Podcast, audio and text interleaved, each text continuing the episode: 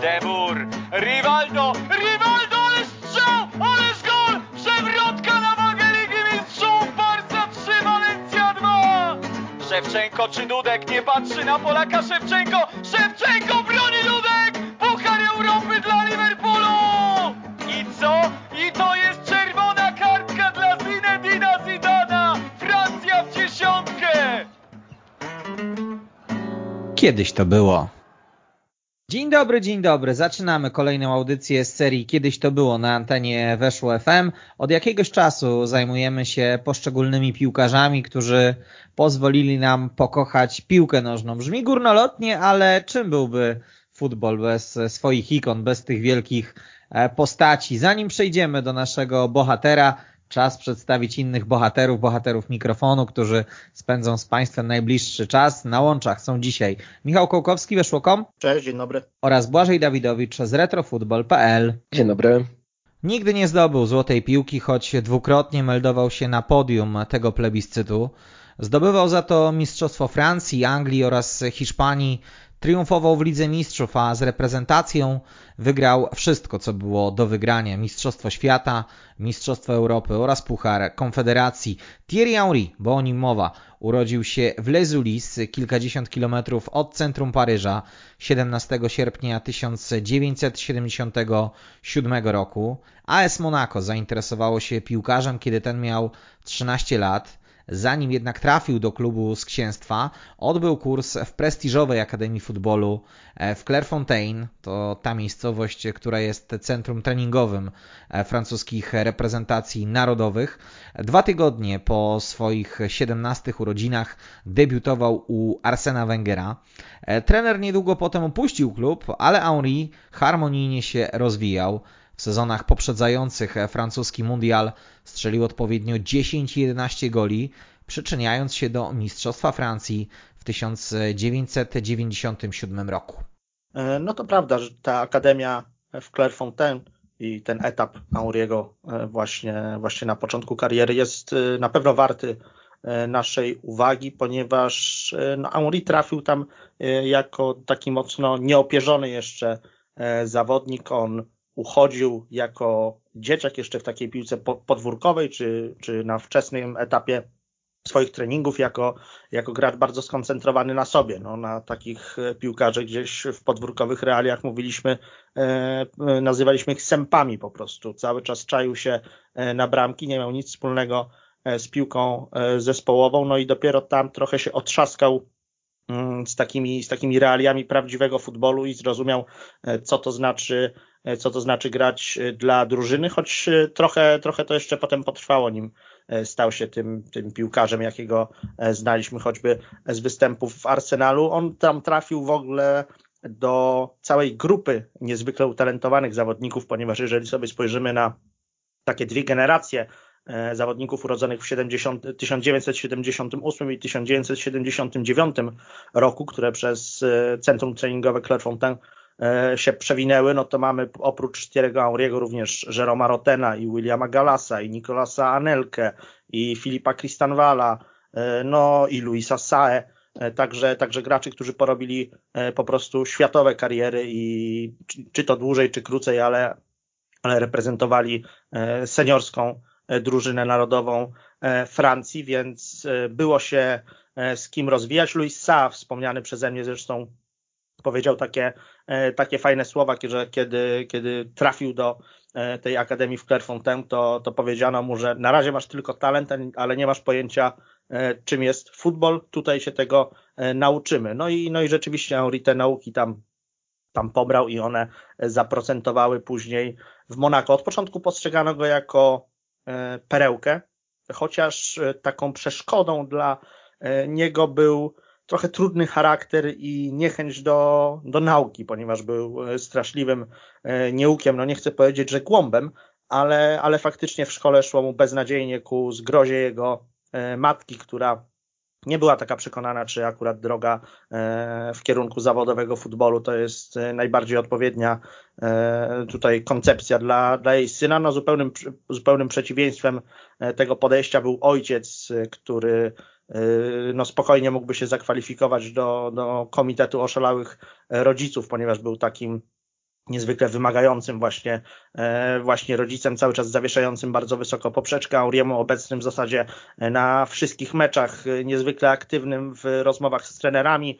No, no też ludzie, którzy pamiętają Auriego z młodości, wspominają wręcz, że tego ojca czasami było za dużo e, w życiu młodego chłopaka, że nie dawał Auriemu wytchnienia. No, biorąc pod uwagę, jaką Thierry ostatecznie zrobił karierę, to można w zasadzie uznać, że dobrze się stało, że ojciec e, aż taką aktywnością się wykazał, ale też e, jakieś to piętno na, e, na dzieciństwie Thierry'ego na pewno odcisnęło. No ale tak czy owak jego takie naturalne, naturalna smykałka oczywiście do futbolu i przede wszystkim nieprawdopodobne przyspieszenie sprawiły, że bardzo szybko wpadł w oko obserwatorom AS Monaco, no i też niezwykle, niezwykle prędko przebił się do pierwszego zespołu drużyny z księstwa. Samo, same te przenosiny do, e, do Monako, no to się wydarzyło w 1992 roku. Auri był wtedy jeszcze e, nastolatkiem, zbliżał się dopiero do 16 e, urodzin.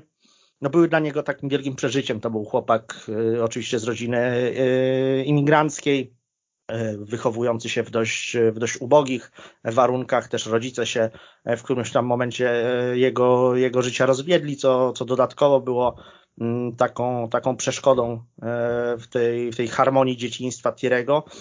No a tutaj przeskok do księstwa z, z no to te, te, te, te, te całe bogactwo, jakim opływa Monako, było dla, dla Auriego bardzo szokujące. On sam o tym wspominał i trudno by było się po prostu tym tym wszystkim nie zachłysnąć, no ale z drugiej strony stanowiło to też dla niego e, inspirację, że on sam e, być może kiedyś e, zdoła po te luksusy, jakich w Monako mnóstwo, sięgnąć. No i co się ostatecznie oczywiście udało. Arsen Wenger był niezwykle istotną postacią dla, dla piłkarskiego rozwoju Auriego. Wenger od początku widział e, w Aurim, to jest też ciekawe, napastnika i to środkowego napastnika, może nie klasyczną dziewiątkę, ale, ale takiego gościa ustawionego centralnie, natomiast no miał takie, takie bogactwo na szpicy e, w Monako, że uczynił z Thierry'ego E, zawodnika ustawionego na skrzydle i to właśnie na tej pozycji e, Auri rozwijał się w tych pierwszych sezonach rozgrywanych na poziomie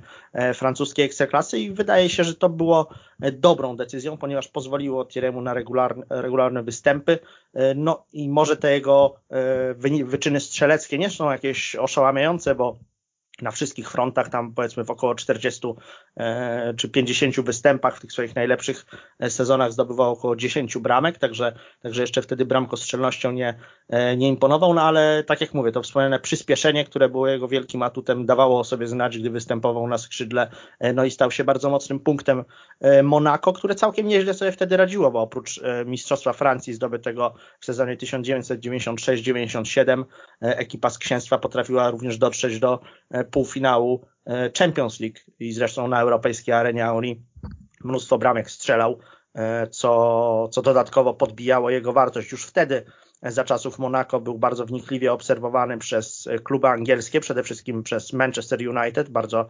często skauci tego, tego klubu przyjeżdżali na spotkania Monaco właśnie, żeby przyglądać się Auriemu. Ostatecznie oficjalnej oferty nie, nie przedstawiono.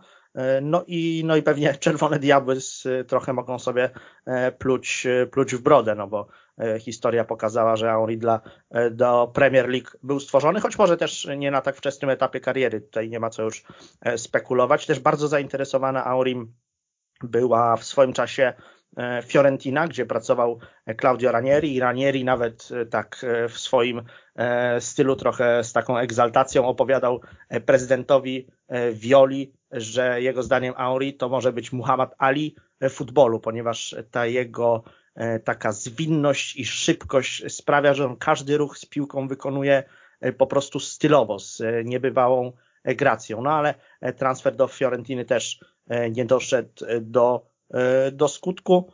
Suma summarum te lata spędzone w Monako wydaje się, że jak na tak młodego zawodnika, który tak szybko przebił się już na poziom e, francuskiej ekstraklasy, no trzeba uznać mimo wszystko za bardzo udane. To było świetne przetarcie dla e, Auriego, taka e, piłkarska szkoła, z której on mnóstwo, mnóstwo wyniósł i z takiego trochę jeszcze nieopierzonego chłopaka, trochę właśnie takiego mającego kłopoty z, z nauką, trochę czasami sprawiającego kłopoty, sprawiającego swoim opiekunom czy trenerom pewne problemy wychowawcze, no to E, no to Henri wyrósł na e, profesjonalistę pełną gębą. Osobiście bardzo się cieszę, że mamy okazję porozmawiać o Thierry Henry, bo jakoś osobiście należy on do absolutnie moich takich ulubionych piłkarzy, e, których mogłem oglądać, kiedy, kiedy jeszcze byłem dzieckiem czy nastolatkiem. No i absolutnie mówimy o zawodniku, jednym no z najlepszych tak naprawdę piłkarzy tego początku XXI wieku. Zawsze, kiedy mamy jakieś rankingi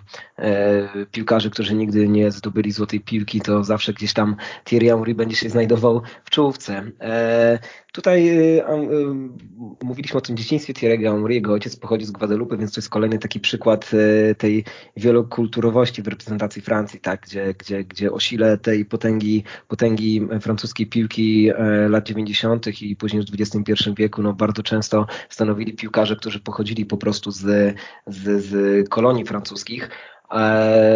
Niedawno rozmawialiśmy tu w programie o Didierze Drogbie, który swój profesjonalny kontrakt podpisał, pierwszy profesjonalny kontrakt podpisał mając 21 lat, a debiutował e, w lidze francuskiej mając dopiero 24, a no tu różnica jest taka właśnie, że Thierry Henry od początku był mega talentem, który, który no, łatwo było zauważyć e, scoutom, że mamy do czynienia z piłkarzem o przeogromnym potencjale, no co właśnie nie jest przypadk e, przypadkiem, że spędzał czas między innymi w tej właśnie francuskiej, znanej tej Akademii Piłkarskiej, która właśnie wyprodukowała, wyprodukowała wielu znakomitych piłkarzy.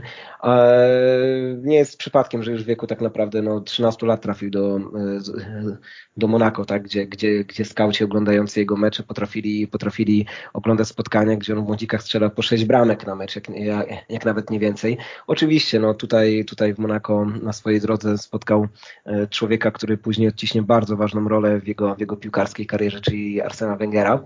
Debiutował już w, wieku, już w lidze francuskiej już w 1994 roku. Akurat tutaj no, tak się złożyło, że troszeczkę oni z Węgerem y, się lekko minęli, bo, bo Węger już y, y, w 1994 roku we wrześniu został, został akurat wrzucony na początku sezonu 94-95, bo i to w momencie, kiedy Monaco zajmowało rozczarowujące 17, 17 miejsce w tabeli, wyruszy w takim dosyć niespodziewanym kierunku później do, do Japonii, więc ta przygoda tutaj z y, Węgera z Amorim w Monaco może nie była bardzo, y, bardzo długa, lecz na pewno odcisnęła to piętno i na pewno na pewno tu tutaj był ten, y, tu tutaj no jakby przyszły trener Arsenalu poznał się na tym ogromnym talencie, ogromnym potencjale, jakim był, jaki po prostu był w tym młodym francuskim polskim e, zawodniku. No tutaj Michał już wspominał o tych, e, o tych, o tych bramkach i o tym, jak, e, w jaki sposób rozwija się w Monaco Thierry Henry, bo robi to wrażenie jednak, tak? Bo po pierwsze to w ogóle Henry został wybrany w 1996 roku najlepszym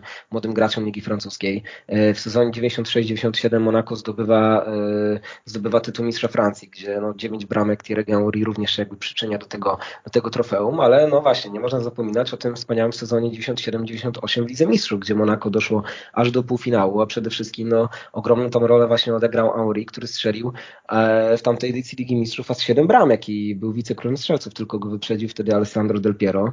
No, mówimy, e, mówimy o piłkarzu, który wtedy miał 20-21 lat. No, trochę może bardziej były rozczarowujące występy w lidze, bo wtedy akurat e, zaliczył tylko, tylko 4 trafienia, no ale, no ale cóż, no, Henry, Henry pokazywał się mimo wszystko z tej takiej bardzo dobrej strony, że było wiadomo, że jest to jedno z najgłośniejszych i takich najmłodszych, najmłodszych, najgłośniejszych nazwisk na, na kontynencie europejskim i nie ma co się dziwić, że również podczas już gry w Monako zasłużył sobie na powołanie do reprezentacji Francji. Zgadza się. Nikt nie dziwił się więc, że zawodnik nagradzany tytułem najlepszego piłkarza młodego pokolenia we Francji znalazł uznanie w oczach selekcjonera Leble Aime Jacquet. Zadebiutował w październiku 1997 roku, a już rok później grał w każdym meczu mundialu aż do finału. Udział w meczu o złoto stracił przez e, Marcela Desaiego. Henri był bowiem przygotowywany do wyjścia z ławki, ale czerwona kartka stopera wymusiła inne e, decyzje. Na mistrzostwach strzelił trzy gole, jednego RPA i dwa Arabii Saudyjskiej, a to wszystko jeszcze przed 21 urodzinami. E, to prawda ten debiut, e, który, który Henri e, zaliczył w spotkaniu z reprezentacją Republiki Południowej Afryki, to był jeszcze 97 rok, także no już e, Mistrzostwa Świata zbliżały się wielkimi krokami, no bo tym bardziej, że październik już pozostało tylko, tylko trochę sparingów reprezentacji Francji. No i trzeba też powiedzieć, że te sparingi nie wyglądały najlepiej. Auri tam w nie wszystkich występował, więc nie postrzegano go oczywiście jako, jako winowajcę, ale co do zasady, atmosfera e, wokół reprezentacji Francji przed e, turniejem e, no była niemalże grobowa i kibice trójkolorowych podejrzewali, że drużyna no nie tylko, że nie zawojuje złota, ale wielce prawdopodobne, iż po prostu skompromituje się na turnieju rozgrywanym w domu, co, co byłoby szczególnie bolesne. Selekcjoner Jacquet był krytykowany no, długimi miesiącami za, za mnóstwo, całe mnóstwo swoich wyborów, czy to personalnych, czy E, czy taktycznych i nie tylko przed turniejem, ale, ale i podczas samych e, mistrzostw, mimo że reprezentacja Francji e, zaczęła turniej w, przynajmniej jeżeli spojrzeć na wyniki, no to w stylu co najmniej, co najmniej niezłym, no bo, no bo najpierw rozbiła RPA i tutaj Auri wpisał się na listę strzelców, a potem, potem pokonała 4 do 0 Arabię Saudyjską i tutaj Auri ukąsił aż, aż dwukrotnie, co, co naprawdę było takim spektakularnym dla niego wejściem w turniej. To spotkanie z Arabią Saudyjską oczywiście zapamiętane w dużej mierze też z tego, że czerwoną kartkę obejrzał Zinedine e, Zidane, e, który te, też tę jego e, pozycję lidera reprezentacji później zaczęto,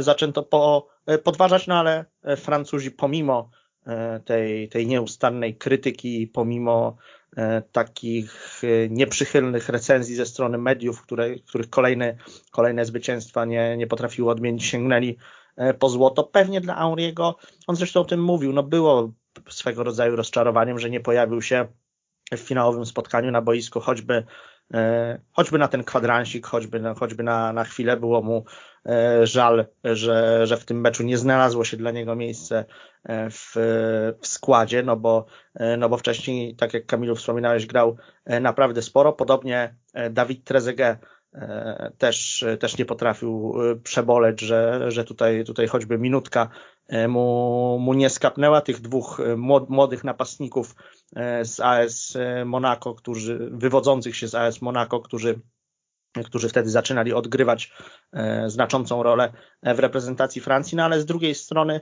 e, mimo wszystko no, no to była jednak gigantyczna satysfakcja dla piłkarza tak młodego, że odegrał e, bądź co bądź znaczącą rolę w drodze do, do Mistrzostwa Świata. Pamiętajmy, że Henri też e, jako jako właśnie e, zawodnik pochodzący z rodziny, e, z rodziny imigranckiej wpisał się w taki społeczno-polityczny kontekst e, całego, całego triumfu reprezentacji Francji. To była tak naprawdę pierwszy raz drużyna aż tak mocno osadzona w zawodnikach o pochodzeniu czy to, czy to właśnie karaibskim, czy to afrykańskim, to mia, czy, czy arabskim, no to miało, to miało bardzo, bardzo, bardzo istotne znaczenie i to była taka pierwsza drużyna, którą, e, którą postrzegano jako, jako, jako reprezentującą całe to postkolonialne, e, całą tę postkolonialną francuską, e, francuską społeczność. No i, no i Auri tutaj również doskonale się odnalazł. Ta faza pucharowa też na pewno nie była w jego wykonaniu jakimś wielkim popisem. On często był zawodnikiem, nawet jeżeli występował w wyjściowej jedenastce, to był piłkarzem pierwszym do zmiany. To też sobie trzeba uczciwie powiedzieć. Grywał około godziny w kolejnych meczach, które były rozstrzygane często czy to dogrywkami, czy, e, czy rzutami e, karnymi, jak spotkanie z Italią w ćwierćfinale, no ale wciąż mówimy o piłkarzu bardzo przecież młodym, który już zapisał na swoim koncie Mistrzostwo Świata. Można powiedzieć, że w jakimś takiej przenośni, że po prostu odhaczył sobie ten sukces w wieku 21 lat, podobnie jak całkiem niedawno się to udało rodakowi Auriego, czyli, czyli Kilianowi Mbappé.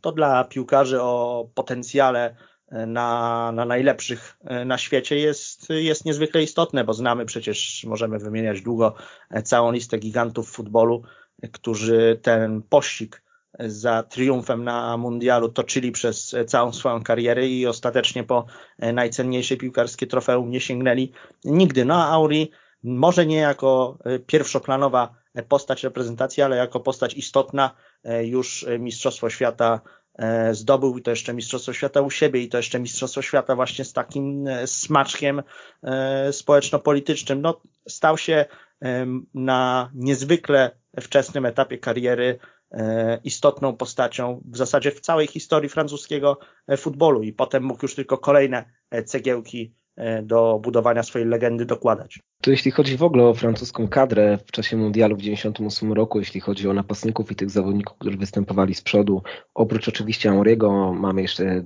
był Dawid Trezeguet, był Dugary, był Djorkaeff, ale było, e, był także jeden napastnik, który dla mnie jest taką dosyć sporą, sporą zagadką zawsze, kiedy patrzę na statystyki, kiedy się patrzę na kadrę Francji, czyli e, Stéphane Givarch, e, bo e, to jest piłkarz, który na mundialu zagrał e, sześć razy w czasie, w czasie całego turnieju i to właśnie było tak, że albo Thierry Henry albo on był zmiennikiem Henry'ego w tej pierwszej fazie turnieju, albo właśnie Henry wchodził za, za Givarsza, a jest to piłkarz, który zagrał w reprezentacji Francji zaledwie 14 meczów w ogóle, z czego 6 właśnie było na mundialu i strzelił tylko jedną bramkę. W czasie mundialu nie strzelił żadnej, ale właśnie, no cóż, no selekcjoner reprezentacji Francji jednak konsekwentnie stawiał na niego w czasie, w czasie tych mistrzostw świata, pomimo tego, że, że podobnie jak, e, że podobnie jak Giroud na ostatnim mundialu w Rosji, akurat to też również był napastnik, który nie strzelił żadnej bramki e, w czasie turnieju.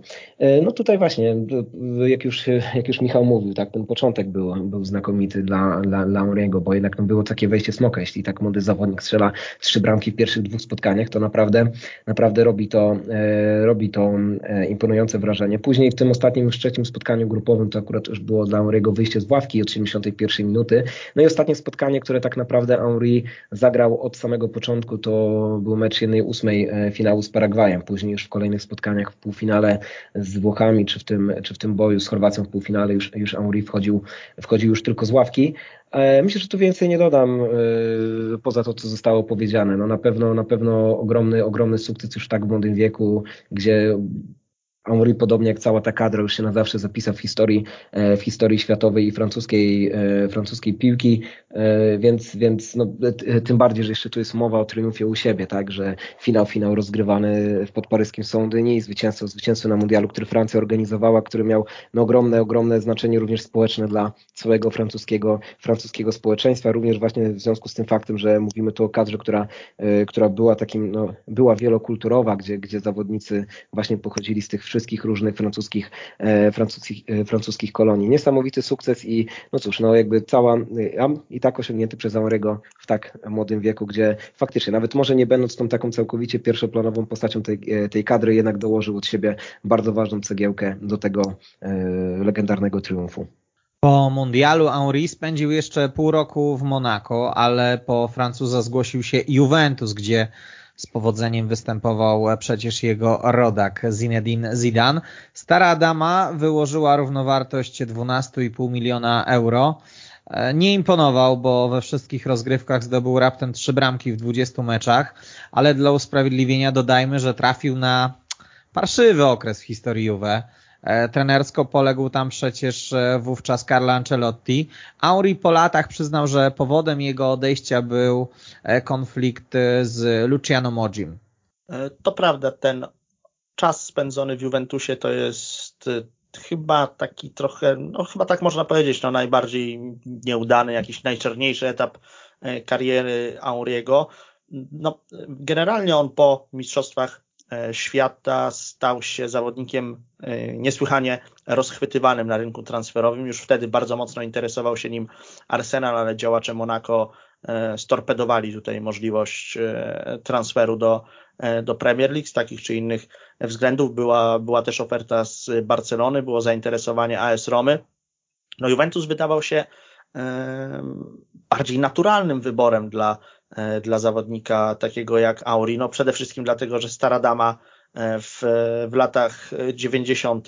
No, była absolutną potęgą, czy to, czy to jeżeli chodzi o włoską ekstraklasę, czy to jeżeli chodzi o e, całą europejską piłkę, no dochodziła seryjnie do finałów Champions League i wprawdzie e, suma summarum odniosła tylko jeden, e, jeden triumf w Lidze Mistrzów, no ale cały czas liczyła się w grze o, o te najważniejsze laury. Grał tam E, tak jak wspominałeś, e, Zinedine Zidane był te, tam też w składzie e, Didier Deschamps, także, także było też z kim się dogadać, jeżeli chodzi o, o rodaków, no i cała jeszcze, jeszcze zgraja innych fenomenalnych zawodników. Na ławce trenerskiej do lutego 99 roku zasiadał wciąż Marcello Lippi, uważany wtedy chyba za najlepszego w ogóle trenera na świecie, a zatem no, argumentów, żeby postawić akurat na Juve naprawdę, naprawdę pojawiło się mnóstwo.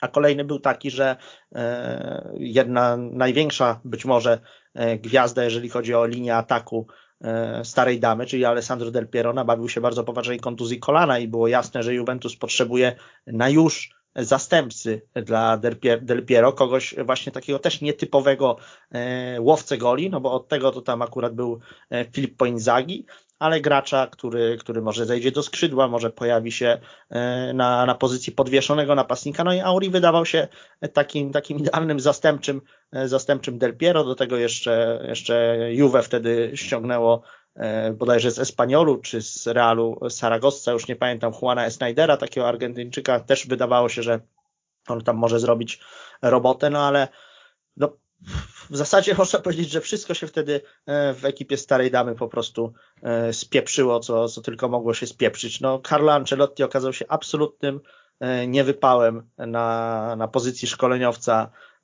szkoleniowca Juventusu. Znienawidzili go, znienawidzili go kibice, nazywając regularnie grubą świnią. No i tenże Ancelotti na dodatek jeszcze jakby tego wszystkiego było mało, no, no, no prowadził zespół do, do kolejnych klęsk na, na rozmaitych frontach. W Serie A e, to była, to była wyjątkowo bolesna porażka e, w ostatniej kolejce, która, która poskutkowała tylko wicemistrzostwem, co było wielkim rozczarowaniem wtedy z perspektywy e, starej damy. No, to były też niezwykle bolesne wpadki Juventusu w europejskich pucharach. No, no po prostu wszędzie, gdzie tylko Juve się, się nie pojawiło, to, to zbierało łomot. Auri nie potrafił się E, przebić w ogóle do, do pierwszego składu. Coś tam mu troszeczkę doskwierały kontuzje, no. Ujmijmy, że to jakieś takie minimalne, minimalne usprawiedliwienie też jest, nie było tak, że, że Auri ta, aż tak beznadziejnie grał, e, że, że po prostu tych, tych minut łapał, łapał niewiele, no ale mimo wszystko e, trzeba, trzeba powiedzieć, że to nie był klub dla niego, ta, ten trudno to nazwać konfliktem, ale takie niesnaski e, na, na linii e, Henri Modzi w ogóle i w ogóle i brak sympatii kierownictwa klubu do Francuza, no tylko dodatkowo e, podkręcały taki, taki niekorzystny klimat wokół niego i tak naprawdę działacze starej damy no bardzo prędko zaczęli się zastanawiać nad tym, gdzie Henri'ego sprzedać, żeby, żeby odzyskać trochę tych pieniędzy, które na niego wyłożyli, bo to była naprawdę, naprawdę poważna kwota, przeszło, przeszło 10 milionów E, funtów, e, więc, e, więc naprawdę mówimy tutaj o, o dużych pieniądzach. No można się zastanawiać, jakie, co tam nie zagrało. Na pewno, na pewno Ancelotti nie bardzo się poznał na Aurim. No tam bywały takie mecze, można to, to gdzieś wyszukać, kiedy on nawet próbował Auriego ze względu na tę jego szybkość, no ale to brzmi aż absurdalnie, ustawiać jako takiego bocznego pomocnika, czy może bocznego wahadłowego, no, no brzmi to e, naprawdę jak szaleństwo, biorąc pod uwagę, jakie, e, jakie atuty miał, miał Auri, jeżeli chodzi o grę, grę w ofensywie, no a przecież e, jeśli chodzi o postawę w destrukcji, no to akurat nie za to, nie za to Francuza ceniliśmy. No i, no i tak jak mówię, no bardzo szybko stało się jasne, że Juve będzie chciało po prostu Auriego e, się pozbyć no z możliwie e, jak, e, jak największym zyskiem. No i myślę, że myślę, że też szczęśliwie dla, dla Francuza, iż to się stało tak szybko, ponieważ gdyby on w tym, w tym Juventusie spędził, nie wiem, no dwa, trzy sezony, to być może jego kariera by wyhamowała do tego stopnia, że już by się jej nie udało później rozpędzić. No, a to tak naprawdę była ta, ta druga runda sezonu 98-99 i potem w kolejnych rozgrywkach już, y, już niby zaczął jako piłkarz Juventusu, ale lada moment ściągnął go e, Arsenal, no i, no i tyle, tyle Auriego widzieli e, w Turynie, więc no mówię, dla, dla niego na pewno bardzo, bardzo ważne było to i takie bardzo szczęśliwe, że ten taki turyński koszmar potrwał po prostu bardzo, bardzo krótko, bo gdyby potrwał trochę dłużej, no to dużo trudniej by było się z tego później przebudzić. E, no cóż, podobnie jak w życiu, tak samo i w karierze piłkarza. No, czasami trzeba się po prostu znaleźć w odpowiednim miejscu, w odpowiednim czasie. No cóż, wyszło tak, że dla Thierry Henry po prostu pobyt w Turynie był nieodpowiednim miejscem w nieodpowiednim czasie. No. E, naprawdę jest to dosyć, dosyć tak z perspektywy czasu zastanawiające, że aż tak e, francuskiemu piłkarzowi tam nie wyszło, no bo no, wydawałoby się, że, fakt, że, że to jest takie miejsce, no może nie skrojone, ale, no, no, ale miejsce, w którym, w którym musi, e, musi, musi pokazać swój potencjał, swój niesamowity potencjał, jaki Thierry Henry miał. Wiemy, wiemy że, że to się nie udało. No, pomimo tego, że cóż, no, pracował z dwoma znakomitymi szkoleniowcami, którzy odniosą jeszcze wiele później sukcesów, właśnie z Marcello Lipim, Carlo Ancelotti, no ale cóż, no, ta współpraca no, nie mogła się układać, jeśli, w, jeśli Thierry Henry wystąpił w 16 ligowych spotkaniach i strzelił zaledwie trzy bramki, no to na napastnika tej klasy, no cóż, który kosztował takie pieniądze, pieniądze, było to duże, duże po prostu rozczarowanie. No, yy, tak jak Michał mówi, no wiele, wiele tutaj można jakichś szukać przyczyn, tak, dlaczego to nie wyszło, czy to były kwestie taktyczne, czy to nie wiem, czy to była niestabilna sytuacja zespołu, czy to też jakieś różne problemy zdrowotne Thierry Henry. No jest ta przygoda na pewno, na pewno nieudana, ale no też jest ta różnica, że mówimy tylko o przygodzie, bo to było tak naprawdę zaledwie, zaledwie e, kilka miesięcy. Nie mówimy tutaj o jakimś, nie wiem, e, pobyt, o, o jakiejś takiej długiej przerwie w karierze, dwu, trzyletniej, czy nawet dłuższej, która, która by tak właśnie wyhamowała to, więc na całe szczęście dla Thierry Henry, na całe szczęście dla, dla w ogóle europejskiego futbolu e, ten pobyt w Turynie skończył się szybko. Nie jestem, tak tutaj Michał mówił, że, e, że mm, dobrze, że, e, znaczy ciekawe jak to by wyglądało, jeśli Thierry Henry by dłużej został, bo nie jestem aż tak pewny, czy, czy w kolejnych sezonach by wyglądało to tak słabo. Może, e, może by było lepiej, ale jednak chyba coś to musiało być, że otoczenie, otoczenie Thierry Henry musiał, musiał po prostu zmienić, żeby swoje skrzydła rozwinąć. Też tutaj Kamil wspominał na początku, na początku tutaj tego powiedzmy rozdziału o tym, o tych nieporozumieniach z Luciano Morgin, tak, to właśnie chyba, chyba to się działo dosyć, dosyć Thierry długo, bo nawet i wspominał o tym w podcaście, który, który prowadzi Jimmy, Car e, Jimmy Carragher, właśnie jeszcze, jeszcze po prostu po tylu latach pamiętał o tych właśnie nieporozumieniach z dyrektorem Starej Damy, więc to musiało w nim siedzieć. No cóż, no ale wiemy też jak dalej się później historia, e, historia potoczyła, więc po prostu mamy tak naprawdę o Juventusie możemy tylko mówić jako po prostu nieudanym, nieudanym epizodzie i tyle. Jeszcze co do tego konfliktu, to, to taką ciekawą historią było to, co sam Modzi e, opowiadał, to znaczy, że on wyczuł, że Auri jest nieprzystosowany do, do włoskich realiów taktycznych, to znaczy, że we Włoszech e, istniało takie zjawisko ścisłego krycia e, zawodników ofensywnych i że na to właśnie receptą Ancelottiego miało być przesunięcie gdzieś tam Auriego na, na bok obrony, żeby on aż tak często nie spotykał się jak napastnicy ze ścisłym kryciem obrońców, no ale z kolei Auri czuł się nieszczęśliwy, im dalej był E, od bramki, no i tutaj zapętlała się, się taka, że tak powiem, seria niefortunnych zdarzeń, no i Modzi e, receptą na to, e, taką naturalną w sumie, w sumie wymyślił, to znaczy, że trzeba Auriego wypożyczyć do jakiegoś słabszego klubu, żeby tam się otrzaskał z realiami Serie A, no i zaproponował Francuzowi wypożyczenie do Udinese, no i Auri, który był już mistrzem świata, no czuł się, czuł się gwiazdą po prostu światowego E, futbolu, może nie gwiazdą pierwszoplanową, ale e, no, czuł się już kimś. No, kiedy usłyszał, że miałby występować w Udineze, e, no to zareagował bardzo alergicznie na ten pomysł.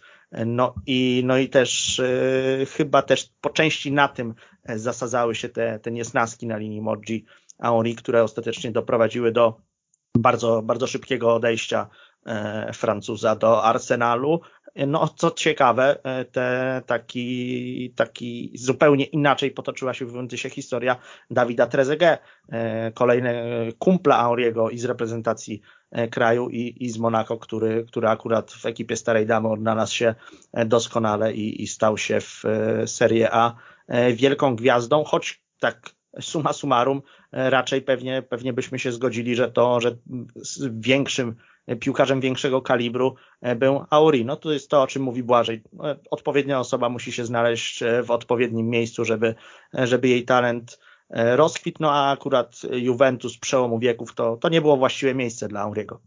No ale robi to wrażenie, że ani, że, że tacy geniusze taktyki, tacy geniusze futbolu jak Marcelo Lippi, ani Carlo Ancelotti nie byli w stanie wykorzystać potencjału Auriego. No z perspektywy czasu duże wrażenie to na mnie robi.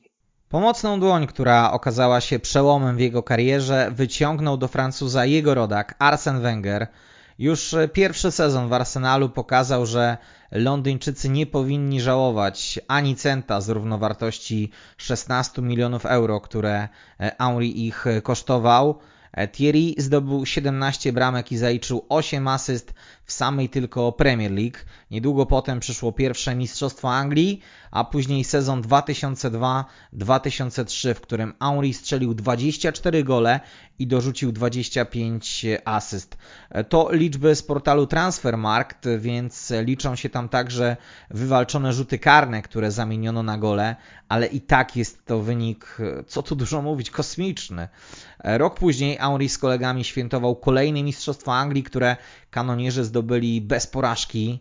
Łącznie cztery razy zostawał najlepszym strzelcem Premier League, a dwa razy najlepszym zawodnikiem ligi. Brakującym skalpem okazała się Liga Mistrzów.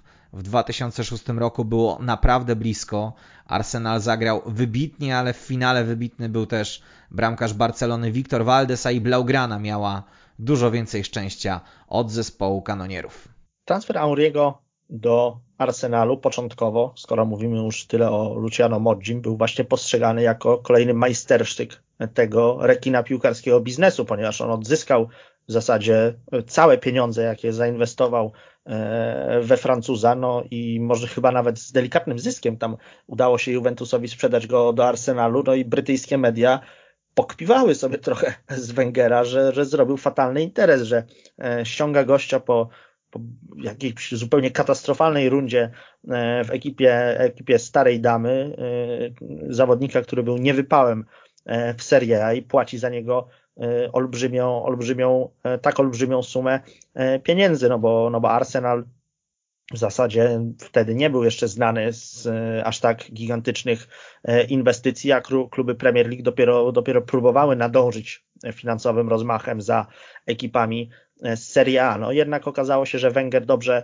e, wiedział, co robi. No on znał Auriego. Tak jak już sobie to ustaliliśmy, oni w tym Monako e, tak w pierwszym zespole, ale nie mieli, nie mieli aż tak wiele okazji do współpracy, ale Wenger dokładnie e, przestudiował francuskiego zawodnika w tamtym okresie. Zresztą Henri powiedział takie, takie fajne zdanie o Wengerze, że on potrafił nakłaniać go E, do różnych e, rzeczy niepostrzeżenie. To znaczy Wenger był e, dla niego takim trenerem, mentorem, nauczycielem, który nie wydawał mu jakichś bezlitosnych poleceń, czy nie, nie, nie przymuszał go do niczego, ale nakłaniał go, przekonywał go jakimiś takimi niepozornymi argumentami i nagle Henri ani się spostrzegł, a już w zasadzie E, wykonywał dokładnie to, czego Wenger od niego oczekiwał. Tak jak już też wspominałem przy okazji tej przygody e, wspólnej Wengera i Auriego w Monako, no to tam francuski szkoleniowiec e, siłą rzeczy był zmuszony ustawić Auriego na skrzydle, chociaż czuł i wiedział, że docelową rolą boiskową Thierry'ego będzie gra w linii ataku. No i w Arsenalu E, już, e, już korzystał e, z Auriego głównie w roli napastnika, gdzie Thierry stworzył taki kultowy chyba, trzeba już powiedzieć, duet z Denisem Bergkampem. No fenomen tego, tego tandemu polegał na tym, że mówimy o dwóch piłkarzach, którzy potrafili imponować bramkostrzelnością, natomiast, natomiast nie tylko na tym się koncentrowali. No i to efektem tego była po pierwsze niezwykle piękna i zespołowa gra e, kanonierów, e, a po drugie to, że, że obaj notowali mnóstwo e, bardzo, bardzo efektownych i pięknych asyst. No, o sukcesach Auriego w Premier League można opowiadać naprawdę bardzo, bardzo długo, bo to są i niezwykle, niezwykle efektowne statystyki po prostu, no bo jeżeli sobie przypomnimy te, te lata już, zwłaszcza w XXI wieku, no to sezon E, między sezonem 2001 a 2002 a 2005 2006 Henri zawsze e, strzelał co najmniej 24 e, gole, a raz nawet udało mu się zdobyć 30 bramek w samej tylko lidze w 37 spotkaniach, a powtórzmy, to nie był taki sęp już na tym etapie swojego, swojej kariery i życia na, na bramki. On już dawno wyzbył się e, tych swoich e, niedobrych przyzwyczajeń z piłki e, podwórkowej. No i to było takie najbardziej jaskrawo widoczne, kiedy Henri rywalizował o miano najlepszego napastnika Premier League z Rudem Van Nistelrooyem. No Van Nistelrooy był pod wieloma względami przeciwieństwem Auriego, to znaczy był takim graczem, który oczekiwał, że cała drużyna będzie pracowała na niego, a Auri E, pomimo tego, że strzelał bardzo często więcej goli od Holendra, to jednak e, bardzo ochoczo pracował też na e, strzeleckie wyczyny swoich kolegów. No i ta, ta liczba jego asyst jest po prostu równie oszałamiająca jak jego dorobek bramkowy. No dla mnie takie bardzo charakterystyczne zawsze było to, że Henry w wielu sezonach w Arsenalu był wykonawcą rzutów rożnych, to znaczy nie czaił się gdzieś w polu karnym na E, spadającą piłkę, którą mógłby e, z kilku metrów dobić do e, siatki, ale wolał dośrodkowywać futbolówkę, bo, bo po prostu zaakceptował, że, że te, w ten sposób, dzięki swojej doskonałej technice, bardziej przyda się zespołowi. No i to jest cała zasługa Wengera, który takim piłkarzem go po prostu ukształtował i, i Henri bardzo często tutaj honor francuskiemu szkoleniowcowi w tym względzie E, oddaje. No, jeżeli szukać rys e, na tej przygodzie, no to rzeczywiście brak europejskiego sukcesu jest e, niewątpliwie największą, no bo to była i porażka w 2000 roku, w pierwszym sezonie Auriego w Arsenalu w Pucharze UEFA w finale z Galatasaray. Mm, porażka po pierwsze niespodziewana, no bo z rywalem mimo wszystko niżej notowanym, a po drugie, po drugie poniesiona w kiepskim stylu. No i potem całe pasmo niepowodzeń, jeżeli chodzi o występy Auriego w Champions League, która w pewnym momencie e, już kariery Francuza stała się e, trochę jego obsesją, ponieważ Auri, on też o tym mówił e, w jednym z wywiadów, no, miał takie przekonanie, że to właśnie z, zwycięstwo w Lidze Mistrzów pozwoli mu też wreszcie sięgnąć po tytuł najlepszego piłkarza świata, czyli po prostu po złotą piłkę, że pozwoli mu zwyciężyć w plebiscycie France Football. Henri szczególnie sfrustrowany był, to był bodaj rok 2001, tak, tak jest, kiedy, kiedy złotą piłkę otrzymał Michael Owen.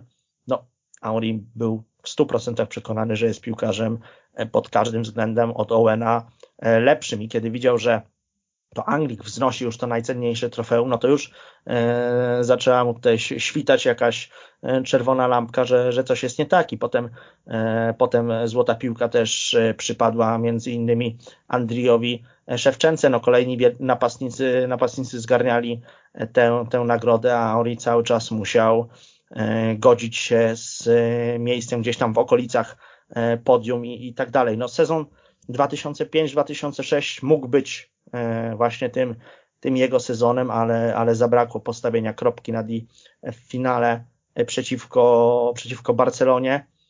No i wtedy to już był ten moment, kiedy naprawdę nasiliły się pogłoski o tym, że Auri lada moment może opuścić Arsenal, tym bardziej, że kanonierzy też weszli w ten okres e, takiej, takiej przebudowy, również jeżeli chodzi o strukturę finansową klubu w związku z, e, e, z budową nowego obiektu. No i Auri musiał wiedzieć, że, że za jakiś czas, inaczej, że na jakiś czas ambicje sportowe kanonierów mogą zejść trochę na dalszy plan, a on no, żył z takim poczuciem, że, że ten czas mu zaczyna uciekać. Był absolutnie spełniony jako reprezentant Francji jako e, e, mistrz świata, mistrz Europy, no ale klubowo wciąż, wciąż tej wisienki na torcie nie udało mu się położyć. No mimo wszystko kibice Arsenalu oczywiście nie mogą mieć do niego, tak sądzę, żalu, że, że, zdecydował się, że zdecydował się w końcu przenieść do, do Barcelony i, i tam poszukać najcenniejszego europejskiego triumfu, ponieważ no było już e, w okolicach 2006-2007 roku e, wiadomo, że jeżeli nie udało się w tym sezonie 2005-2006, to raczej w najbliższej przyszłości już się Arsenalowi na europejski szczyt wdrapać e, po prostu nie uda, bo potencjał tego klubu raczej się kurczył niż wzrastał. No i Arsenal był nie był, nie był zespołem jednego zawodnika, nie było tak, że Aori ciągnął całkowicie tę ekipę E, za uszy, no ale też chyba trzeba to przyznać, że bardzo mocno przerastał już w jakimś momencie swoich partnerów z zespołu. Ja też mam takie wrażenie, że tutaj a, takie suche statystyki m, mm, nie do końca oddadzą to, kim się stał Thierry Henry dla Arsenalu, bo to był no, piłkarz, który po prostu był bożyszczem trybun, tak? No, stał, był absolutnym królem Highbury, yy, ostoja i opoka tej legendarnej drużyny niezwyciężonych i mam takie wrażenie, że te suche liczby nie oddadzą tego piękna, z jakim się prezentował Francuz po prostu na tych angielskich boiskach, bo no dla mnie to są takie wspomnienia, przy których ja do dzisiaj mam ciarki. To w jaki sposób Amory przyjmuje tą piłkę, te jego charakterystyczne rogale po ziemi, te techniczne y, zagrywki, y, bardzo, bardzo takie charakterystyczne cieszynki. I to wszystko w atmosferze tego ciasnego, ale, y, ale jakże wspaniałego obiektu, jakim było Highbury. No, a w ogóle te takie kiedy dzisiaj się włączy te kompilacje zagrań wspólnych Bergkampa i Henry'ego, no dla mnie to jest absolutna sól piłki. Bardzo lubię wracać do Arsenalu tamtych lat. Nawet jeśli ta gablota z tymi pucharami E, jeśli chodzi o zwycięstwa e, w lidze, czy właśnie brak e, tych sukcesów na arenie europejskiej, no nie jest na przykład tak duże, jak to było w przypadku Manchesteru United tamtych lat, no to jednak jeśli chodzi o samą, samą takie piękne piłki, dla mnie to jest coś po prostu fenomenalnego. No i te 11 milionów funtów, które zostało zapłacone mm, starej damie za Thierry Henry, to pewnie jeden z najlepszych transferów w historii, w historii Premier League. Chociaż ten początek trzeba też przyznać, że nie był wcale taki łatwy dla Henry'ego w, w Arsenalu, bo w pierwszych ośmiu spotkaniach w barwach nowego klubu tak naprawdę nie zanotował ani jednego, ani jednego trafienia, aczkolwiek ten sezon skończył z 17 bramkami w 31 meczach. Natomiast lek, lekkie było rozczarowanie w bo to było 18 punktów straty do Manchesteru United i na pewno też ta porażka z Galatasaray w finale Pucharu UEFA no, była czymś jednak e, niespodziewanym i rozczarowującym. No wiemy, cóż, że później kolejne lata w lidze były zdecydowanie, zdecydowanie lepsze te dwa tytuły Mistrza Anglii, szczególnie ten jeden, o którym tu już zostało tyle powiedzianych, tak, no legendarny sezon niezwyciężonych, tak, i powiedzieć, że Thierry Henry dołożył do tego swoją cegiełkę, to nic nie powiedzieć, tak. E, no to też był czas, kiedy naprawdę mogliśmy Thierry Henry'ego nazywać no, absolutnie jednym z najlepszych piłkarzy, piłkarzy świata, tak, no stał się stałym bywalcem czołówki plebiscytów o złotą piłkę, bardzo niewiele brakowało, żeby, żeby mm, ta nagroda od France Football trafiła, e, trafiła do Francuza.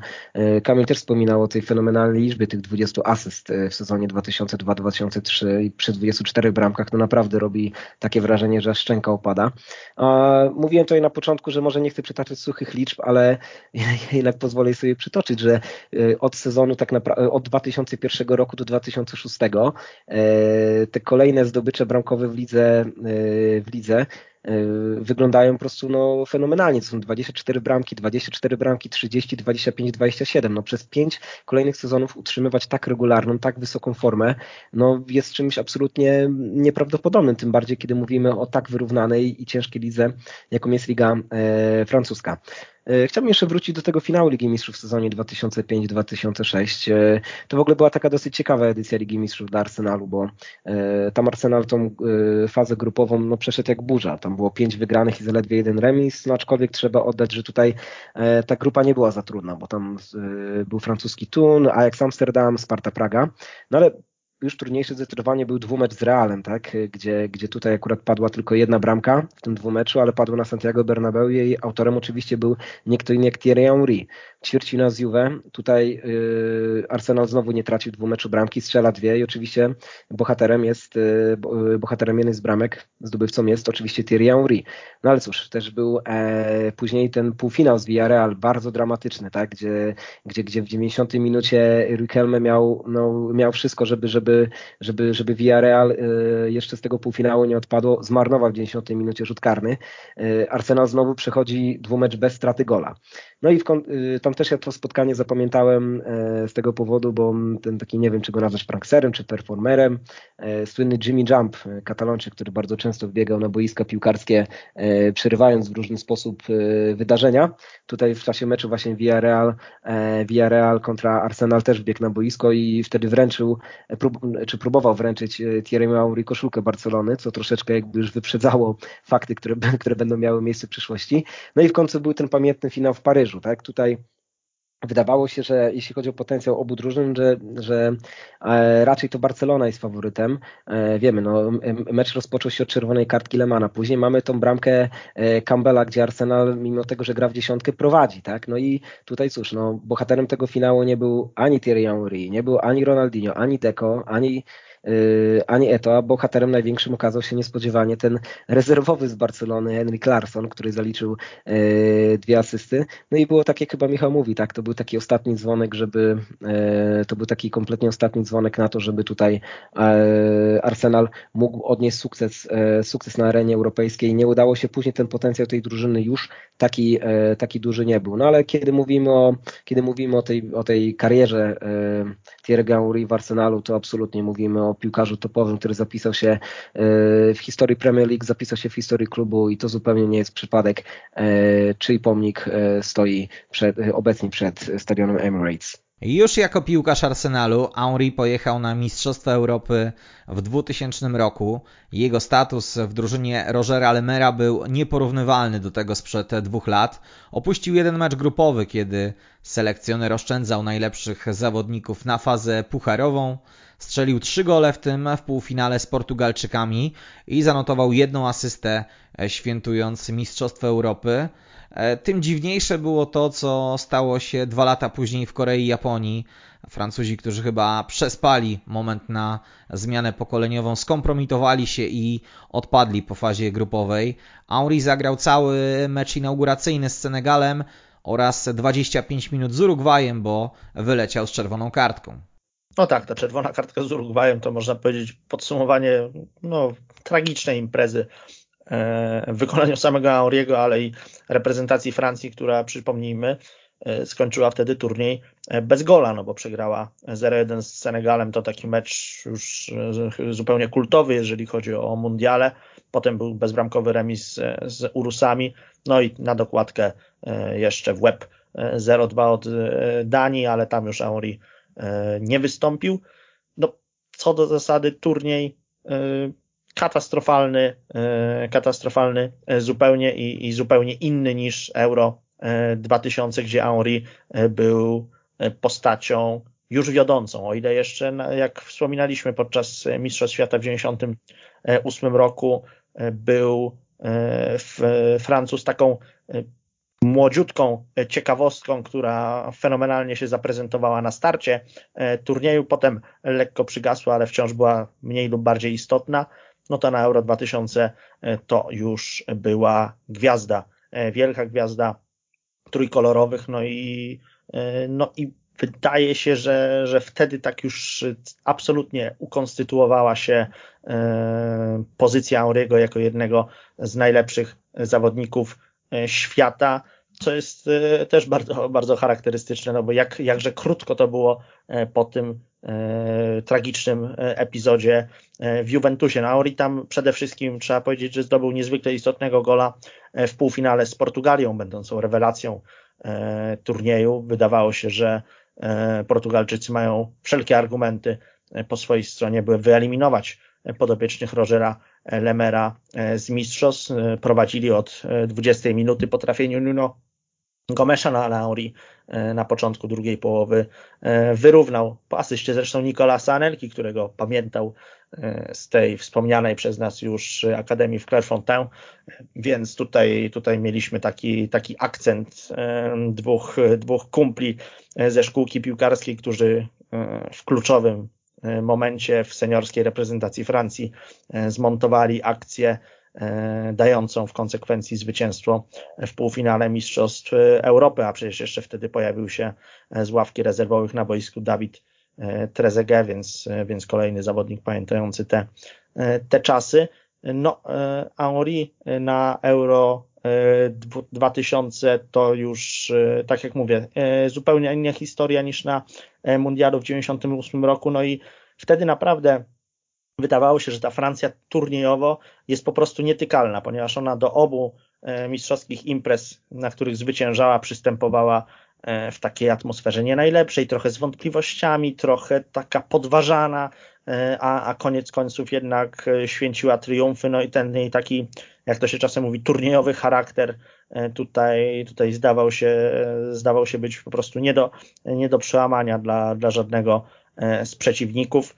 No, Mistrzostwa Świata w 2000, 2002 roku zadały zupełny kłam tej teorii, bo tam e, Francuzi wyłożyli się na całej linii i nie usprawiedliwia ich nawet, nie usprawiedliwiają ich nawet kłopoty zdrowotne Zinedina Zidana. No po prostu mistrzom świata urzędującym nie wypada żegnać się z turniejem w taki sposób, w jaki wtedy pożegnała się reprezentacja Francji. Wiadomo, że obrona tytułu to jest zadanie niezwykle trudne, udaje się e, bardzo niewielu reprezentacjom, e, no ale, no ale Francuzi po prostu przegięli e, w drugą stronę, to był blamasz. To jeśli chodzi w ogóle o kadrę na Euro 2000 francuską, e, to w ogóle w tamtym czasie mówimy no, o sporej konkurencji w, w, w przodach e, reprezentacji trójkolorowych, bo oprócz oczywiście tutaj tych młodych gniewnych jak Henri, Victor, Trezeguet, Anelka, jeszcze był, mieliśmy e, nadal wokół kadry krążyli jeszcze tacy piłkarze jak Djorkaeff i Dugary, więc ta konkurencja była całkiem, całkiem spora. No ale to właśnie już, cóż, no już Thierry Henry miał taką pozycję, że to on wychodził w pierwszej jedenastce swojej drużyny i tak na przykład było właśnie w pierwszym meczu tego turnieju z Danią, gdzie gdzie, gdzie no Dania akurat wtedy miała tą taką przemianę pokoleniową po wielkich sukcesach lat 90. Francuzi wygrali ten mecz 3 e, do 0, gdzie właśnie też, e, gdzie właśnie bramkę strzelił między innymi Thierry później drugi mecz z Czechami, drugie zwycięstwo i druga bramka bohatera naszej, naszej audycji. Akurat w trzecim meczu Henry już tam e, odpoczywał, nie zagrał, natomiast no w każdym kolejnym, w każdym kolejnym meczu turnieju, czy to w ćwierćfinale z Hiszpanią, czy w półfinale z Portugalią, czy w finale zaczynał mecz od pierwszej, od pierwszej minuty, co pokazuje, jak już wtedy ważną postacią jak kluczową postacią dla e, reprezentacji e, Francji był. Oczywiście no, był tutaj jeden z tych e, bohaterów półfinału, tak, bo, bo bez bramki, bez, oczywiście był strzelcem, był strzelcem bramki, no natomiast no, tak trochę, trochę zabawnie to wygląda w kontekście finału, że akurat tutaj bohaterami stali, stali się jego koledzy, którzy weszli z ławki, tak, Victor i Trezeguet, tak, zresztą pamiętamy jak to, jak to wyglądało, że w jaki sposób Francuzi wyrównywali w tym finale w takich no, niesamowitych, niesamowitych e, okolicznościach. No, wydawałoby się, że dwa lata później kompletnie nic nie zapowiadało tej klęski, która, e, która, która stała się e, w czasie mundialu w Korei w Japonii. Tym bardziej, że przecież reprezentacja Francji jechała jako mistrz Europy, jako drużyna broniąca tytułu mistrza świata. Przecież jeszcze w 2001 roku Francuzi wygrali również i Puchar Konfederacji. Oczywiście to, co Michał wspominał, tak, no Francuzi byli osłabieni e, w pierwszych, w pierwszych meczach brakiem, brakiem Zidana, no ale takiej klęski nie spodziewał się nikt, tak. No ten mecz, pierwszy mecz z Senegalem to był absolutnie dzień, który no zadziwił świat i dzień, który absolutnie, absolutnie gdzieś zapisał się w w całej historii Mistrzostw Świata. E, no dla Aurego zupełnie nieudane mistrzostwo, tak? Ta czerwona kartka z Urugwajem. No, e, oczywiście miał w nogach 47 meczów sezonu wcześniej, e, wcześniej Thierry Henry, ale jakby no nic nie, nic w żaden sposób nie tłumaczy tak, tak fatalnej formy. No wydawałoby się, że taki blamasz Francuzom już się nie powtórzy, ale cóż, no na pewno jeszcze tu w audycji dojdziemy jeszcze później do Mundialu w 2010 roku. Oj tak, dojdziemy. Część zawodników, która rozczarowała w Azji, w tym także Henri, zrehabilitowała się w Niemczech na mundialu, który był swoistym, jak to się ładnie teraz mówi, last dance Zinedina Zidana. Francuzi zdobyli srebro. E, nasz bohater strzelał w meczach z Koreą Południową, Togo, ale także, a może przede wszystkim w ćwierćfinale z Brazylią w takim starciu gigantów do którego doszło na Mistrzostwach Świata w Niemczech. Wywalczył też rzut karny w półfinale z Portugalią. Nie miał okazji uderzyć karnego w konkursie jedenastek z Włochami, bo zszedł zmieniony przed końcem meczu. No tak, to był last dance Zidana, ale też w jakimś sensie last dance całego tego pokolenia czempionów z 98 i 2000 roku. E, mimo że e, nie wszyscy, tak jak Zizu, zakończyli kariery po tych Mistrzostwach Świata, wręcz przeciwnie, niektórzy jeszcze potem e, na kolejne imprezy z reprezentacją Francji jechali, no ale skutek był mniej lub bardziej tych eskapad opłakany. No, Mistrzostwa Świata w 2006 roku Raymond Domenech poukładał wtedy francuską drużynę dość zmyślnie, ponieważ z jednej strony wpuścił do kadry trochę, trochę świeżej krwi, która, która zawodników, którzy nie pamiętali tych, tych wspomnianych już przez nas wielkich sukcesów z lat minionych, ale jednak w pierwszej kolejności no, przywrócił do, do świata żywych właśnie tych, tych dawnych gwiazdorów pokroju Auriego, czy Wiltorda, czy Patrisa Wiejry.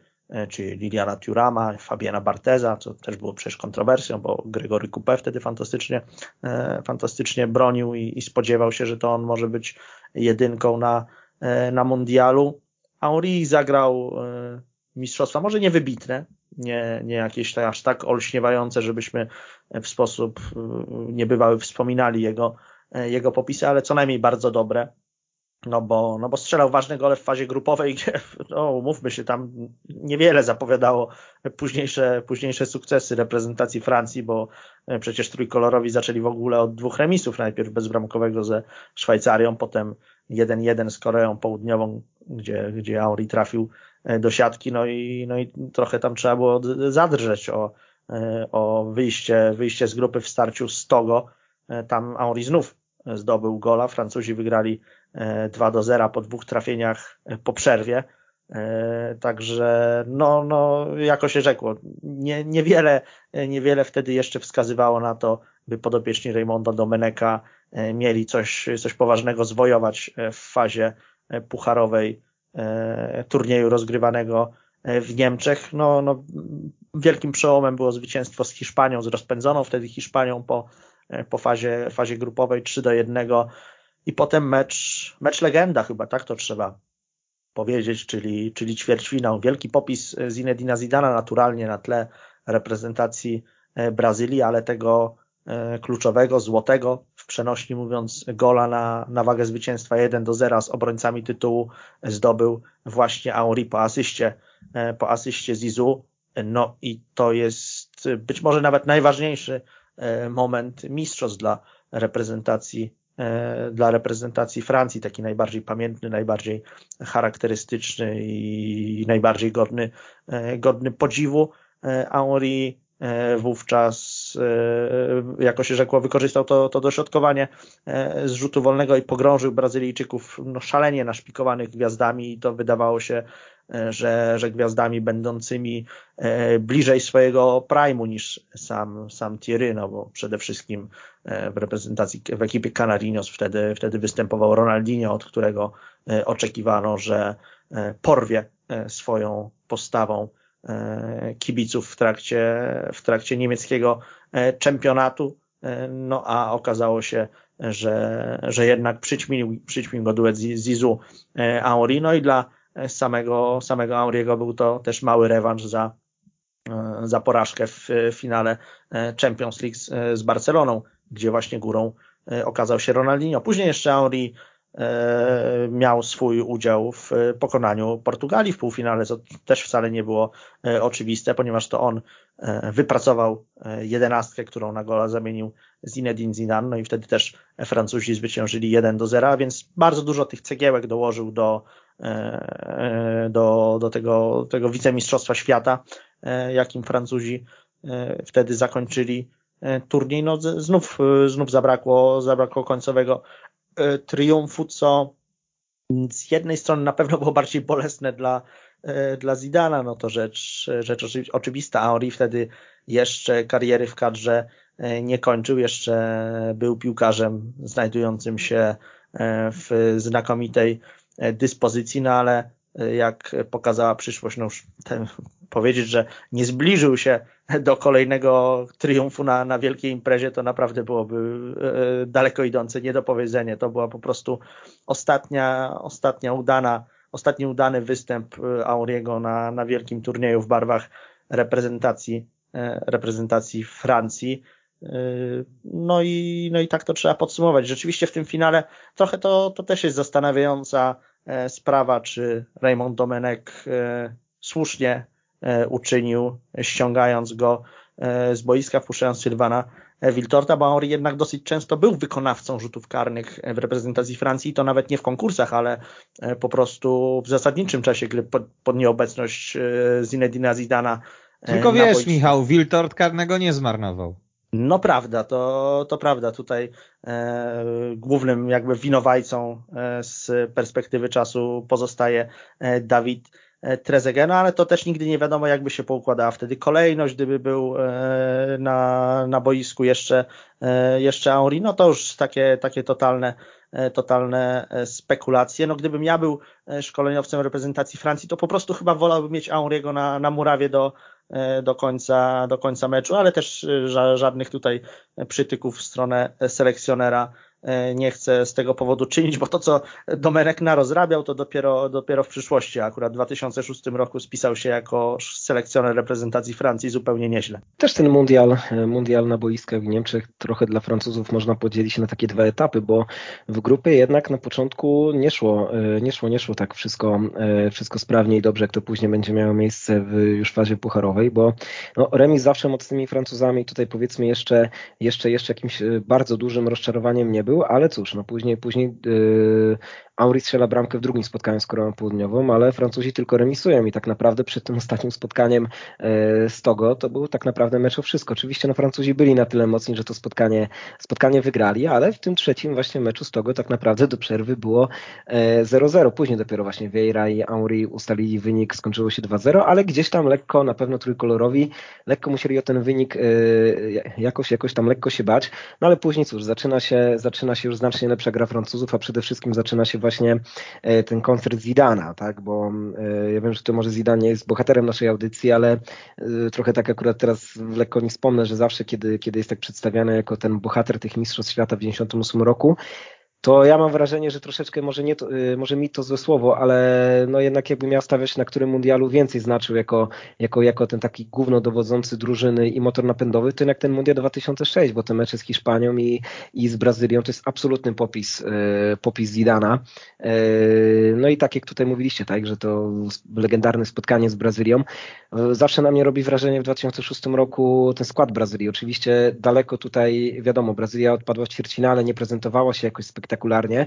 E, i tu, tu drużyna nie była tak mocna i tak, i tak zgrana, jak na to wskazywały nazwiska, ale no same nazwiska to są takie, że po prostu przechodzą ciarki. Roberto Carlos, Ronaldo, Ronaldinho, Robinho, Adriano, Caco, Juninho, Cafu. No, Brazylijczycy byli tak naprawdę na papierze faworytem, e, faworytem tego mundialu i nie chcę mówić, że, że to, że Francja wygrała ten mecz było jakąś nie wiadomo jaką sensacją, ale no jednak przed mundialem na, na pewno wszyscy myślę, że wskazywaliby raczej drużynę Brazylii jako tą drużynę, która po prostu e, zajdzie dalej. Tu. Oczywiście wspomina, e, oczywiście Zidane absolutnie, absolutnie bohaterem reprezentacji Francji, aż do feralnego zagrania w dogrywce, e, no ale też ja tam kadry Francji z tego, z tego, z tego mundialu też zapamiętam jako jako drużynę, w której te skrzydła zaczął rozwijać i, i, świetnie się też prezentował Ribery. To też dla mnie jest takie wspomnienie tamtego mundialu.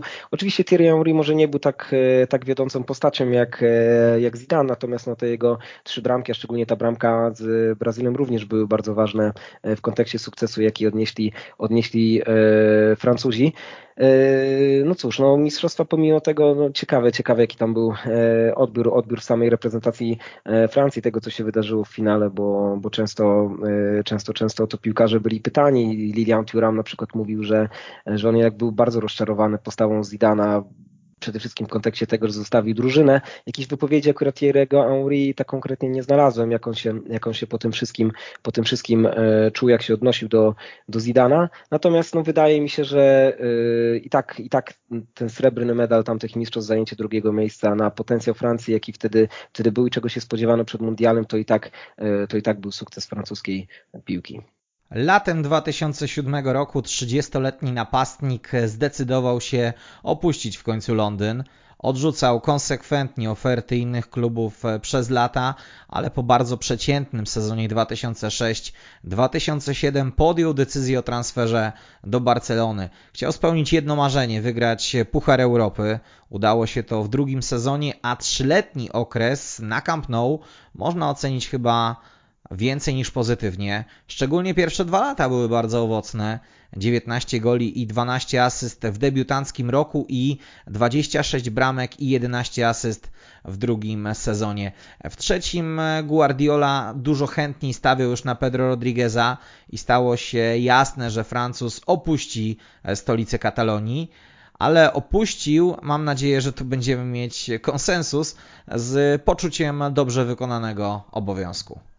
Tak, to była dosyć ciekawa historia z tego względu, że Henri z Barceloną był łączony od dawna, ale po porażce w finale Ligi Mistrzów w 2006 roku on udzielił takiego bardzo ostrego wywiadu trochę na gorąco, kiedy, kiedy oskarżał sędziego, że chyba miał na sobie koszulkę Barcelony, że generalnie to tak przekręcił kanonierów i, i no, sporym echem się to odbiło wśród kibiców. e, z Camp Nou, e, że, że tutaj Auri nie potrafi pogodzić się e, z porażką, ale raczej dość szybko to poszło w zapomnienie, no bo Auri do Barcelony trafiał, jako się rzekło, wciąż jako, jako gigant, jako po prostu wielka postać. Jego ostatni sezon w Arsenalu tam akurat był statystycznie nie, nie najbardziej udany, bo on mało grał z uwagi na, na urazy, rozegrał w Premier League tylko kilkanaście E, spotkań, no ale mówimy o piłkarzu 30-letnim, a zatem e, takim, który e, przyjeżdża do, do ekipy Dumy Katalonii,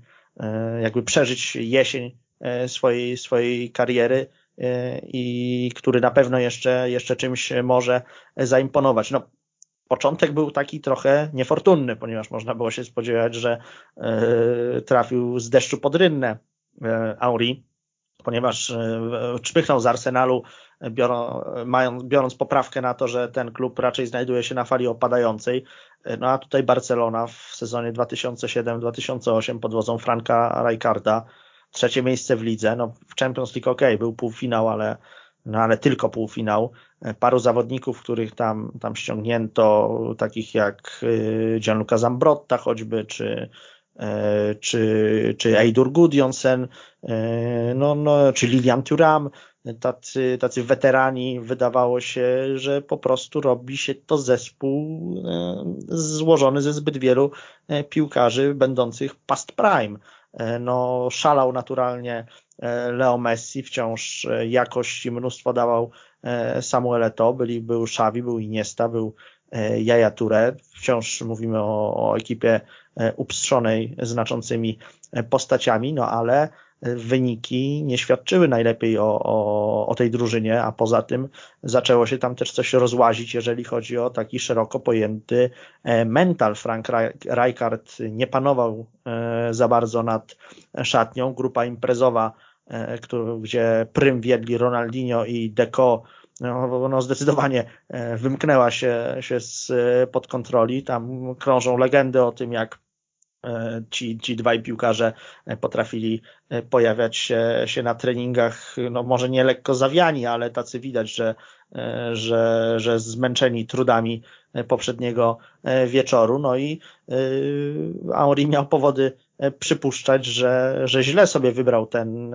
ten klub, w którym, w którym chciał, upatrywał szansy na, na zatriumfowanie w Lidze Mistrzów, no ale E, no, zresztą e, tutaj można też wspomnieć o dorobku ligowym e, Barcelony w tym sezonie 2007-2008, kiedy, kiedy Duma Katalonii zgromadziła tylko 67 punktów w La Lidze, no prawie 20 oczek mniej niż Real Madryt, a Real Madryt też nie był wtedy ekipą, która na, na europejskiej arenie by szczególnie imponowała swoimi E, swoimi wyczynami, więc no, no mała przepaść się e, tutaj zrobiła. Wszystko zmieniło się naturalnie wraz e, z przyjściem Pepa Guardioli, który po, po przejęciu Barcelony no w nieprawdopodobnym stylu podniósł ten klub, dokonał kilku odważnych kadrowych ruchów, pozbył się dawnych liderów, czy drugiej linii formacji ataku, czyli Deco i Ronaldinho postawił odważnie na innych piłkarzy i wplótł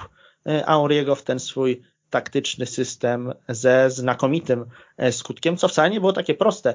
E, Henri nie mógł liczyć u Guardioli na żadne specjalne względy z uwagi na swój nieprawdopodobny piłkarski dorobek, czy to z reprezentacji Francji, czy to z Premier League. Jest nawet taka anegdota, już nie pamiętam o który mecz chodziło, ale Guardiola Wyznaczył tam Auriemu jakieś taktyczne zadania, kazał mu się poruszać e, w bocznym sektorze e, boiska, ponieważ e, Auri w Barcelonie często grał takiego no, lewego napastnika, nazwijmy to. To był ustawiony centralnie, Auri trochę bliżej lewej strony, Messi po prawej. No i Auri w którymś momencie spotkania wypatrzył sobie szansę jako zawodnik już doświadczony, zauważył, że, że tam obrońcy trochę się źle ustawiają i przeszedł do środka, dublując pozycję to, E, zauważył to bodajże Czawi zagrał mu prostopadłą piłkę, Henry wyszedł na, na czystą pozycję, skierował futbolówkę do siatki, była bramka dla Barcelony.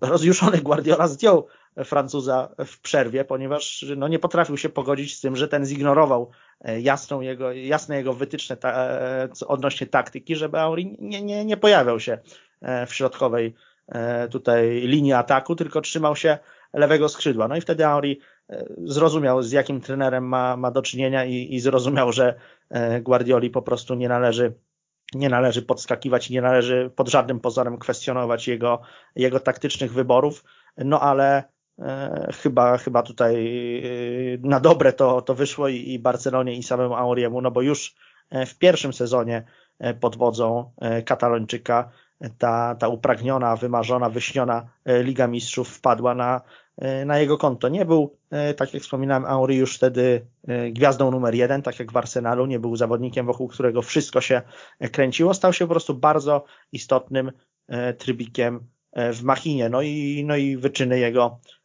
wyczyny jego strzeleckie to, to potwierdzają. To już nie było to samo, co, E, co, co za czasów gry występów w ekipie kanonierów, no ale 19 bramek w lidze, a 26 we wszystkich rozgrywkach to dorobek co najmniej, co najmniej e, solidny, ale też coś w tym jest, że Guardiola e, dość szybko zaczął Auriego odsuwać na, na dalszy plan, mimo że ten jeszcze na, na jakiegoś tutaj piłkarza wypalonego E, nie wyglądał. Być może te, te tarcia odnośnie taktycznych, e, taktycznych rozwiązań były większe niż to, to ostatecznie przeciekło do opinii publicznej. No, dla mnie takim naj, największym wspomnieniem Auriego z Barcelony pozostanie chyba, e, chyba na zawsze ten, ten, ten mecz, kiedy E, kiedy Katalończycy w e, niezwykle efektownym e, stylu zwyciężyli z Realem Madryt. To chyba było spotkanie zakończone wynikiem 6 do 2 na Estadio Santiago Bernabeu. Henry wtedy wpisał się dwukrotnie na,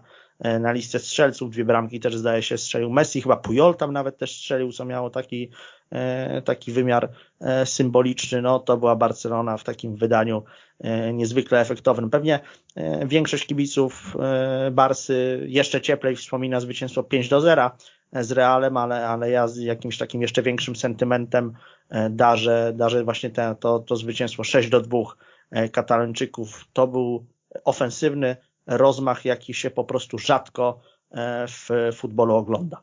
Tutaj oprócz oczywiście tego, że już e, faktu, o którym było mówione, że ten ostatni sezon w Arsenalu to już e, nie był a, tak dobry jak poprzednie, tu też doszły takie różne problemy Thierry w życiu prywatnym. No to może, może to nie jest, e, tu bardziej się skupiamy oczywiście na piłce nożnej, ale e, no też Henry podkreślał później w wywiadach, że to były e, różne tarcia z żoną i tak dalej, że też chyba potrzebował troszeczkę opuścić to angielskie środowisko. No trafiło, trafiło na tą Barcelonę, o której się no, mówiło dłuższego, dłuższego czasu, że jeśli jeśli takie plotki transferowe gdzieś e, pojawiały się w kontekście Francuza, to bardzo często właśnie to zainteresowanie e, ze strony katalońskiego klubu bardzo często się pojawiało. Tu w ogóle no też e, ja pamiętam, bo jako, jako tam powiedzmy sympatyk, sympatyk FC Barcelony, pamiętam w ogóle tą prezentację Thierry Henry, że to była prezentacja, na którą no, przyszło Francuza przywitać na Camp Nou więcej osób niż Ronaldinho, bo mówimy to faktycznie o zakupie no, absolutnego El Kraka, tak? no, jednego z najlepszych zawodników świata, nawet jeśli powiedzmy już nie prezentującego takiej formie, jak to było kiedyś, ale na pewno mającego jedno z najgłośniejszych e, nazwisk w ogóle na całej, na całej futbolowej planecie. No, y, tutaj ten pierwszy sezon oczywiście ciężko nazwać udanym w kontekście ligi, no bo, no bo jak tutaj Michał mówił, tak ogromna strata do Realu Madryt, jeszcze miejsce za Realem, troszeczkę ta drużyna e, zaczęła upadać tak, e, tak, e, tak mentalnie z różnych powodów. Frank Rijkaard nie był w stanie już e, tak mocno trzymać tej, e, tej szatni i walczyć jak równy, jak równy z równym z Realem Madryt. No ale trzeba podkreślić, że akurat to e, pomimo tego, że był to sezon bardzo rozczarowujący w lidze, o dziwo z różnych powodów był to za to, był za to to sezon, który dobrze wyszedł w Lidze Mistrzów, bo Barcelona awansowała aż do półfinału, gdzie Dopiero tak naprawdę w półfinale, w półfinale y, w dwóch meczu przegrali tylko 1-0 z, z drużyną, z drużyną e, Manchesteru United. E, tu oczywiście no, mówimy, mówimy o drużynie, w której, w której już no, Ronaldinho miał jakby taki już no, jego ostatni sezon, który no, był rozczarowujący. Lionel Messi dopiero stawał, stawał się, się takim piłkarzem absolutnego topu i dopiero najlepsze lata będzie miał zdecydowanie przed sobą. Był ten Thierry Henry, ale wtedy tak no, miał ten swój fenomenalny czas 17-letni Bojan Krkic, tak? I jak sobie o tym przypomnę, jeśli ktoś by mi powiedział, jak się później potoczy kariera e, Bojana, jak sobie o nim pomyślę w, tam, e, w kontekście tamtego sezonu, też bym nie uwierzył, że e, będzie to tak e, rozczarowująca piłkarsko, e, piłkarsko kariera. No ale cóż, mamy później kolejny sezon, zmiana na miejscu szkoleniowca, przychodzi Pep Guardiola, mamy odejście, odejście z drużyny tych, e, następuje bardzo duża zmiana, zmiana, zmiana, jeśli chodzi właśnie o to, kto będzie drużyną dowodził, odchodzi Ronaldinho, odchodzi Deco, tak? Jakby jest to oddanie drużyny może nie całkowicie pod kontrolę Messiego, ale staje się on absolutnie podstawowym zawodnikiem, tak? I oczywiście, no jakby kiedy się pomyśli o tym legendarnym sezonie 2008-2009, gdzie Barcelona wygrała wszystko, co było do wygrania, tak e, piłkarzami, którzy tak przychodzą od razu na myśl, obok oczywiście Messiego, tak? No to jest Xavi, Eto i Niesta, ale no nie można zapominać o wkładzie Thierry'ego Henry. Może nawet jeśli, nawet jeśli w lidze tych bramek strzelił więcej Eto, nawet jeśli bohaterem Ligi Mistrzów był Lionel Messi, no to jednak te statystyki Henry'ego są, e, są równie imponujące, tak? W Lidze Mistrzów to są e, to jest strzelonych 6 bramek, e, w lidze, w lidze hiszpańskiej za to 19 goli, tak? Absolutnie, absolutnie dorzucił ogromną cegiełkę do tych triumfów, no i w końcu spełni to swoje wielkie, wielkie marzenie na arenie europejskiej, żeby ten Puchar Ligi Mistrzów podnieść, bo no absolutnie się to Thierry'emu Henry za te wszystkie, za te wszystkie lata należało. No byłoby gdzieś taką piłkarską niesprawiedliwością, gdyby tak fenomenalny piłkarz, gdyby zawodnik tej klasy nigdy, nigdy tego trofeum, tego trofeum nie zdobył. Oczywiście ten trzeci sezon, już, już kolejny, to było już takie, no, y, Henry był trapiony kontuzjami, statystyki wyglądają już, już nie za dobrze, już nie grał dłużej, dużej ilości minut, oczywiście biorąc pod uwagę to, na jakich piłkarzy było Barcelonę stać i jak bardzo Barcelona miała te swoje, jakie miała ambicje, no cóż, no musiało do tego rozstania z Thierry Henry po prostu, po prostu dojść, aczkolwiek no na pewno, na pewno tych, tych paru sezonów spędzonych w Katalonii Henry w żaden sposób uważam, że no nie może uważać za stracone. Jeden fenomenalny, absolutnie legendarny sezon, którego który, gdzie był absolutnie, y, absolutnie jedną z czołowych postaci zespołu. To jest coś, co się zapisało w historii, e, w historii Barcelony i, i możemy tutaj, tutaj o tym teraz naprawdę opowiadać jako wspaniałej historii. E, tutaj, no ja, ja właśnie miałem też przygotowany tekst o tym, żeby powiedzieć o tym, e, tak jak, tak jak Michał wcześniej wspomniał, o tym fenomenalnym meczu na Santiago Bernabeu, bo ja mam podobnie, no jako oczywiście ta Manita później, kiedy już Mourinho był trenerem Realu Madryt, to jest takie coś, co pierwsze na myśl przychodzi, kiedy mówimy o tych latach Guardioli, ale dla mnie jednak to spotkanie wtedy, wtedy, wtedy na początku maja 2009 roku w Madrycie, wtedy jak Barcelona potrafiła sześć bramek strzelić na Santiago Bernabeu, gdzie właśnie jednym z bohaterów był Thierry Henry strzelając dwie bramki, to jest takie no no to jest takie pierwsze spotkanie, jakie mi na myśl przychodzi, kiedy myślę wtedy o tamtej tej wielkiej Barcelonie, której właśnie częścią był Thierry Henry. Słodzimy w dzisiejszym programie Auriemu nieprzypadkowo. Był to wielki piłkarz, ale był też moment w jego karierze, kiedy stracił uznanie w oczach wielu ludzi piłki. Sytuacja z jego udziałem była jednym z najbardziej jaskrawych przypadków tego, że w piłce potrzeba powtórek wideo, choć wtedy skończyło się na dodatkowych asystentach sędziego za liniami końcowymi boiska. Ale po kolei. Francuzi bardzo słabo wyglądali w kwalifikacjach mundialu w RPA i o wyjazd na Mistrzostwa Świata walczyli w barażach z Irlandczykami. W rewanżowym spotkaniu doszło do dogrywki, a pod koniec jej pierwszej połowy Henry zagrywał piłkę ręką, co pozwoliło Williamowi Gallasowi zdobyć bramkę. Irlandczycy kpili po spotkaniu, parafrazowali Hand of God Maradony i pisali o Hand of Frog, ale mundialowej przepustki nikt nie mógł im już zwrócić. Wybuchła burza, ale mimo dużego zniesmaczenia i krytyki nie było podstaw do ukarania napastnika, czy też szerzej całej reprezentacji Francji. Natomiast to, co stało się później z trójkolorowymi, to dla mnie dowód na istnienie karmy. Leble skompromitowali się w RPA. Henri zagrał łącznie 53 minuty w dwóch meczach.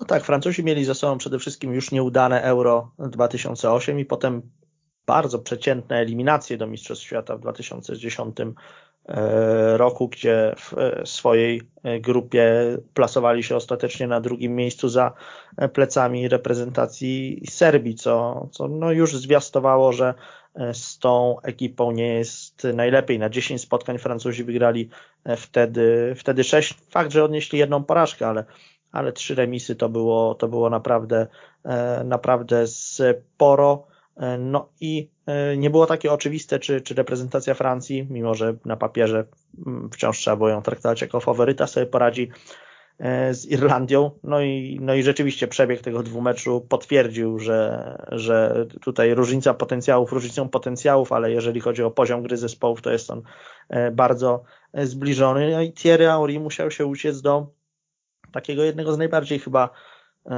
jaskrawych, bezczelnych e, oszustw e, w najnowszej historii futbolu, no bo ta, to jego zagranie ręką, no było tam widać po pierwsze taką premedytację dosyć skrajną, po drugie no, wydawało się, że jednak, że jednak arbiter czy arbitrzy powinni byli E, tutaj, tutaj wykazać się większą spostrzegawczością. No złożyło się to, to po prostu na te wiele czynników złożyło się na to, iż, iż gruchnął wokół tej sytuacji niebywały skandal. No a poza tym ciężar gatunkowy spotkania był e, olbrzymi, ciężar samej postaci, jaką jest e, Thierry Henry.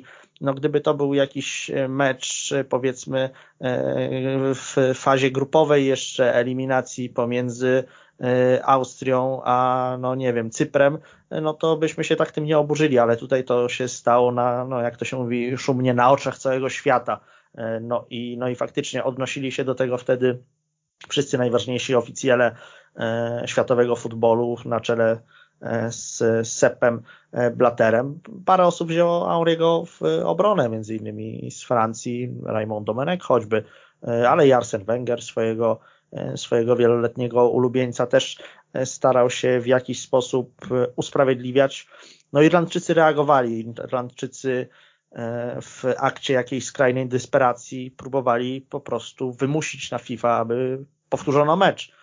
Uznali, że pomyłka arbitrów jest w tym wypadku tak rażąca i, i że, że zasługuje to na to, aby E, raz jeszcze rozegrać to spotkanie, no ale FIFA e, pryncypialnie tę, tę możliwość odrzuciła, e, bo po prostu w swoich procedurach nie przewidywała takiej, takiej możliwości, aby aby błąd arbitra, nawet najbardziej skrajny, mógł zostać naprawiony poprzez powtór, powtórne rozegranie barażowego spotkania. No wywołało to gigantyczny e, niesmak. Nie można powiedzieć, żeby, żeby jakoś totalnie zszargało reputację Auriego i, i żeby wszyscy, e, którzy posiadali jego, jego koszulki e, kupione gdzieś na bazarku, nagle spalili je i wyrzucili do resztki do, do kubłana śmieci. No aż tak źle nie było E, był jednak postacią przez lata budującą swoją popularność również poprzez e, umiejętnie prowadzone kampanie reklam e, marketingowe. Był bohaterem wielu słynnych piłkarskich reklam na pewno i nasi słuchacze i wy też świetnie pamiętacie te, te takie reklamówki, kiedy on tam gdzieś gania po, po mieszkaniu i, i, i pyka sobie piłką wśród, wśród mebli, to, to wszystko były głośne sprawy. No ale, no tak jak mówię, no, no niesmak pozostał, no po prostu i potem to, co się stało z reprezentacją Francji na, na Mistrzostwach Świata w 2010 roku, to rzeczywiście e, sprawiało wrażenie takiej jakiejś sprawiedliwości dziejowej. Zresztą Irlandczycy bardzo mocno wtedy celebrowali e, totalną klęskę e, trójkolorowych na, na turnieju, no bo, no bo zaczęło się od remisu z Urugwajem, potem potem Francja poległa w starciu z Meksykiem, gdzie zresztą Henry nie zagrał. Henry był już taką trochę mniej znaczącą postacią e, zespołu na tym turnieju. No i ostatni mecz, czyli e, no, całkowicie kompromitująca dla Francuzów porażka z gospodarzami, czyli, czyli z RPA 1 do 2. No i to taka też dla samego Thierry'ego E, jakaś ponura klamra, bo on przecież e, w ogóle debiutował w kadrze w starciu z RPA, no i tego swojego pierwszego gola na mundialu w 98 roku zdobył w starciu z RPA, e, także tu taki rywal wydawałoby się dla niego bardzo wdzięczny, no a e, także, także puentą jego międzynarodowej kariery okazała się z kolei porażka w starciu z RPA, kiedy Francja no, w aurze jakiejś totalnej kłótni E, skandali obyczajowych e, z, z zupełnie zagubionym trenerem e, poległa. No i Domenek potem wspominał też w swojej głośnej autobiografii straszliwie sam, która otoczona jest wieloma kontrowersjami, no ale tak, tak on przedstawiał przynajmniej tę, tę swoją, swoją prawdę, swoją wersję wydarzeń, że oczekiwał od Auriego jako zawodnika niezwykle doświadczonego, że po tak ponurym wydarzeniu, jakim było odpadnięcie w fazie grupowej mundialu, zabierze w szatni głos i spróbuje w jakiś sposób rozliczyć się razem z zespołem z tego, co się wydarzyło. Być może przedstawi jakiś plan, w jaki sposób reprezentanci Francji powinni publicznie zmierzyć się z tą sytuacją, co powinni powiedzieć kibicom. Tymczasem Auri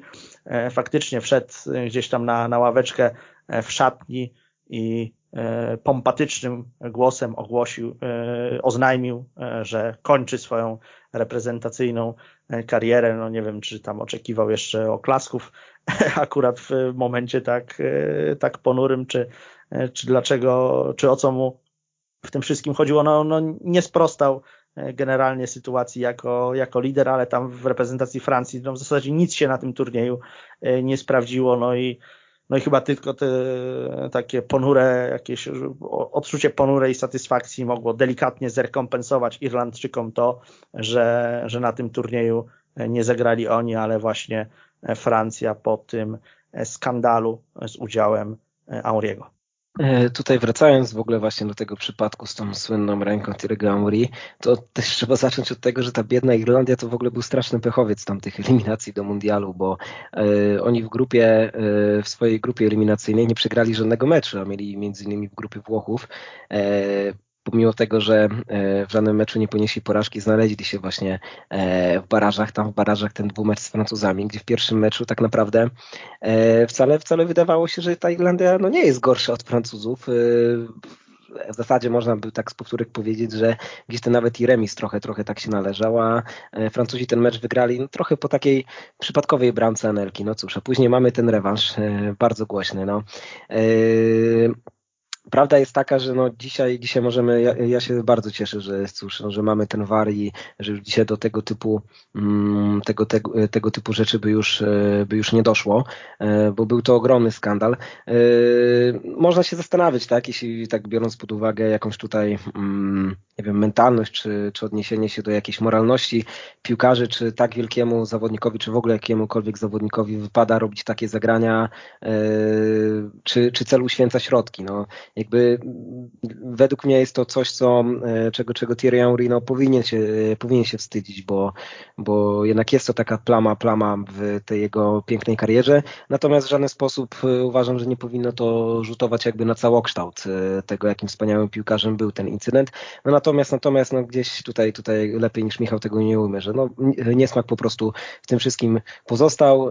No i cóż, a później mamy na mundialu tą karmę. No Francuzi, no, no cóż, no, ani, ani na ten mundial nie powinni w takim razie jechać po prostu z czysto piłkarskiego powodu, tak się wydaje, no ale na pewno nie powinni jechać po prostu jako w taki sposób skonstruowana drużyna. Tu w ogóle no, rozmawiając o tym, co się działo, co się działo z reprezentacją trójkolorowych na e, południowoafrykańskich boiskach, to chyba powinniśmy mieć puszczony taki jingle z trudnych spraw po prostu, tak, bo te wszystkie, to, e, to, jak, to jak wygląda ten przekaz medialny, to jak wyglądało to z Nikolasem Anelką, w jaki sposób on się, w jaki sposób on się obrażał, to w jaki sposób e, Ramon Domenech rozmawiał z mediami, no absolutnie absolutnie, e, cyrk na kółkach, tak, no, że sprawa, która się później e, rozchodziła, że głos zabierał i minister sportu Francji, i nawet i prezydent Nicolas Sarkozy, no absolutnie, absolutnie blamasz pod kątem e, i, i, i przede wszystkim sportowym, ale również blamasz po prostu pod takim kątem jakimś PR-owym atmosfery, no kadra absolutnie, absolutnie rozbita. Ogromna szkoda, że zawodnik, że zawodnik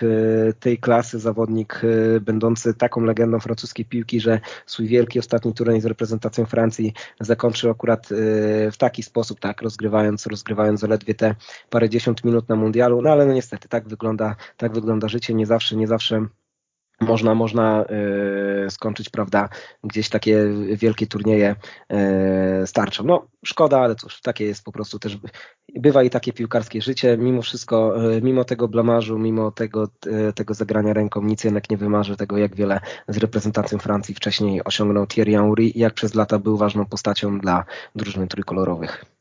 Po mistrzostwach Henry wyjechał do MLS, wiążąc się kontraktem z New York Red Bulls. Był jedną z pierwszych gwiazd XXI wieku, która wybrała Stany Zjednoczone na swoją emeryturę. Wrócił jeszcze na dwumiesięczne wypożyczenie do Arsenalu, kiedy ten na początku 2012 e, roku miał kłopoty kadrowe w związku z wyjazdami swoich piłkarzy na Puchar Narodów Afryki. Zagrał wtedy w siedmiu spotkaniach i strzelił dwa ostatnie gole dla kanonierów.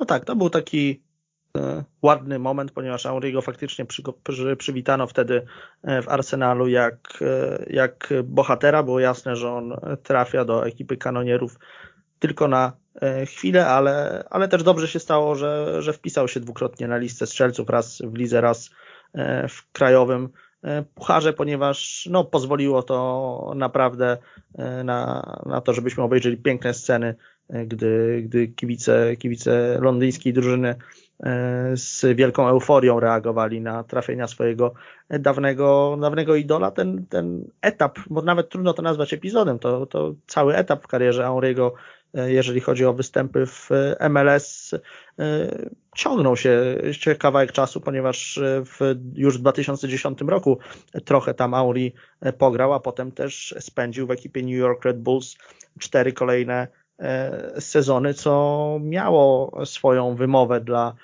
dla tego zespołu, jak sama nazwa wskazuje uczestniczącemu w wielkim futbolowym E, projekcie, czy też może już trzeba powiedzieć imperium Red Bulla.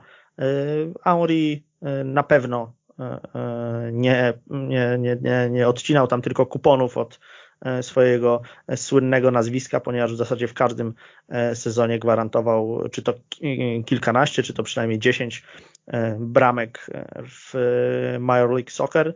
To dorobek e, wydaje mi się co najmniej, co najmniej solidny, aczkolwiek no też inna sprawa, że nie udało mu się poprowadzić e, Red Bulls do, do choćby jednego końcowego triumfu w, w rozgrywkach, więc, e, więc no tutaj akurat w jakiś E, czegoś tam, czegoś tam mu pewnie zabrakło, no ale, ale jeżeli chodzi o takie indywidualne wyróżnienia za te jego występy w MLS, no to regularnie wybierano go, czy to do, do meczu gwiazd, czy to do najlepszej jedenastki rozgrywek. Wiadomo, że, że zawodnikowi o takim nazwisku troszeczkę jest e, łatwiej e, o, o zbierać indywidualne laury, no ale wydaje mi się też, że to nie było E, nie były wyróżnienia na wyrost i Henry e, po prostu już jako piłkarz e, wiekowy, już jako piłkarz daleki od szczytowego okresu swojej kariery zdołał jeszcze przez parę lat przyciągać widzów na, na stadiony w amerykańskich rozgrywkach, no i, no i dołożył jakąś tam swoją cegiełkę, czy, czy,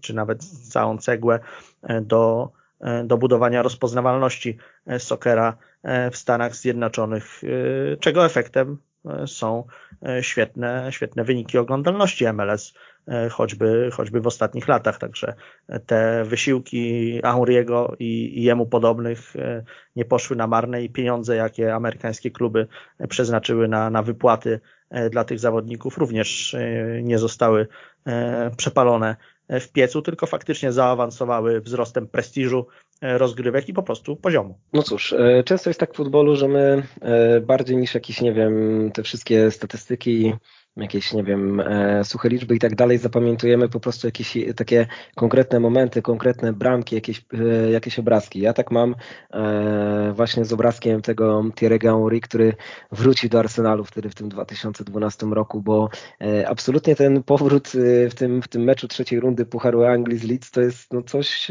absolutnie takiego, że jakby ktoś wymyślił e, taki scenariusz filmowy, to bym stwierdził, że on jest za bardzo jakoś pompatyczny, bo wraca, wraca król absolutnie absolutny Arsenalu na nowy stadion, na Emirates. E, jest to wypożyczenie, tak? Wchodzi z ławki i mamy prawdziwy powrót króla, że wchodzi ten gość, bożyszczy trybun i on jeszcze w tym meczu strzela decydującą bramkę, tak? Ten wybuch radości i to jeszcze strzela w taki swój charakterystyczny sposób e, tą prawą nogą przy prawym słupku, takim tym rogalem, takim prawie, że po ziemi, no coś, co przez tyle lat było oglądane na stadionie Highbury, tym razem właśnie ma to miejsce w tym jego pierwszym meczu na Emirates, ten wybuch radości Thierry Henry, ten wybuch radości trybun, absolutnie wspaniały obrazek, no coś takiego, co, co po prostu chce się takie e, momenty w futbolu, w futbolu oglądać, więc bardzo fajnie, że pomimo tego, że to było takie no, krótki epizod, bo to się inaczej niż epizodem nie da nazwać ten, ten bardzo króciutki, króciutki powrót do, do Arsenalu, to jednak ten obrazek to jest coś, co y, do dzisiaj we mnie wywołuje ciarki. Sobie też przed audycją specjalnie tą właśnie bramkę odpaliłem, żeby nawet dla samej reakcji po prostu trybun, kiedy, które, które tak uwielbiały tego po prostu, e, no, no co tu dużo mówić, no króla po prostu, króla po prostu Arsenalu, e, który, który przez tyle lat e, im dostarczył tyle radości.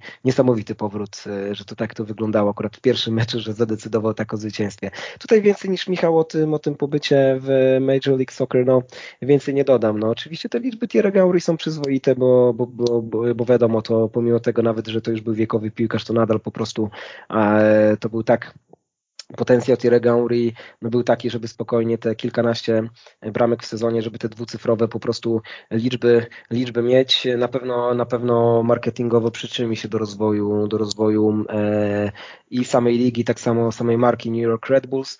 E, fajnie, bo to, bo to ciężko, e, bo to nie było takie, niektórzy piłkarze o wiele gorzej, gorzej mają te swoje ostatnie sezony, o wiele gorzej wyglądają, jest to takie bardziej odcinanie kuponu, kuponu od sławy. Tu jeszcze można powiedzieć, że Thierry Henry spędził, spędził parę sezonów w całkiem mocnej lidze na naprawdę, naprawdę niezłym poziomie i na pewno bym, bym nie nazwał, nie nazwał tego jakąś taką y, nieudaną sportową emeryturą. Było to po prostu już takie, no, taki całkiem nieźle udany epizod na, dla, dla bardzo tytułowanego i bardzo wiekowego gracza. I tu stawiamy sobie kropkę. Karierę piłkarską Thierry'ego Henry'ego wspominaliśmy dzisiaj w programie Kiedyś to było.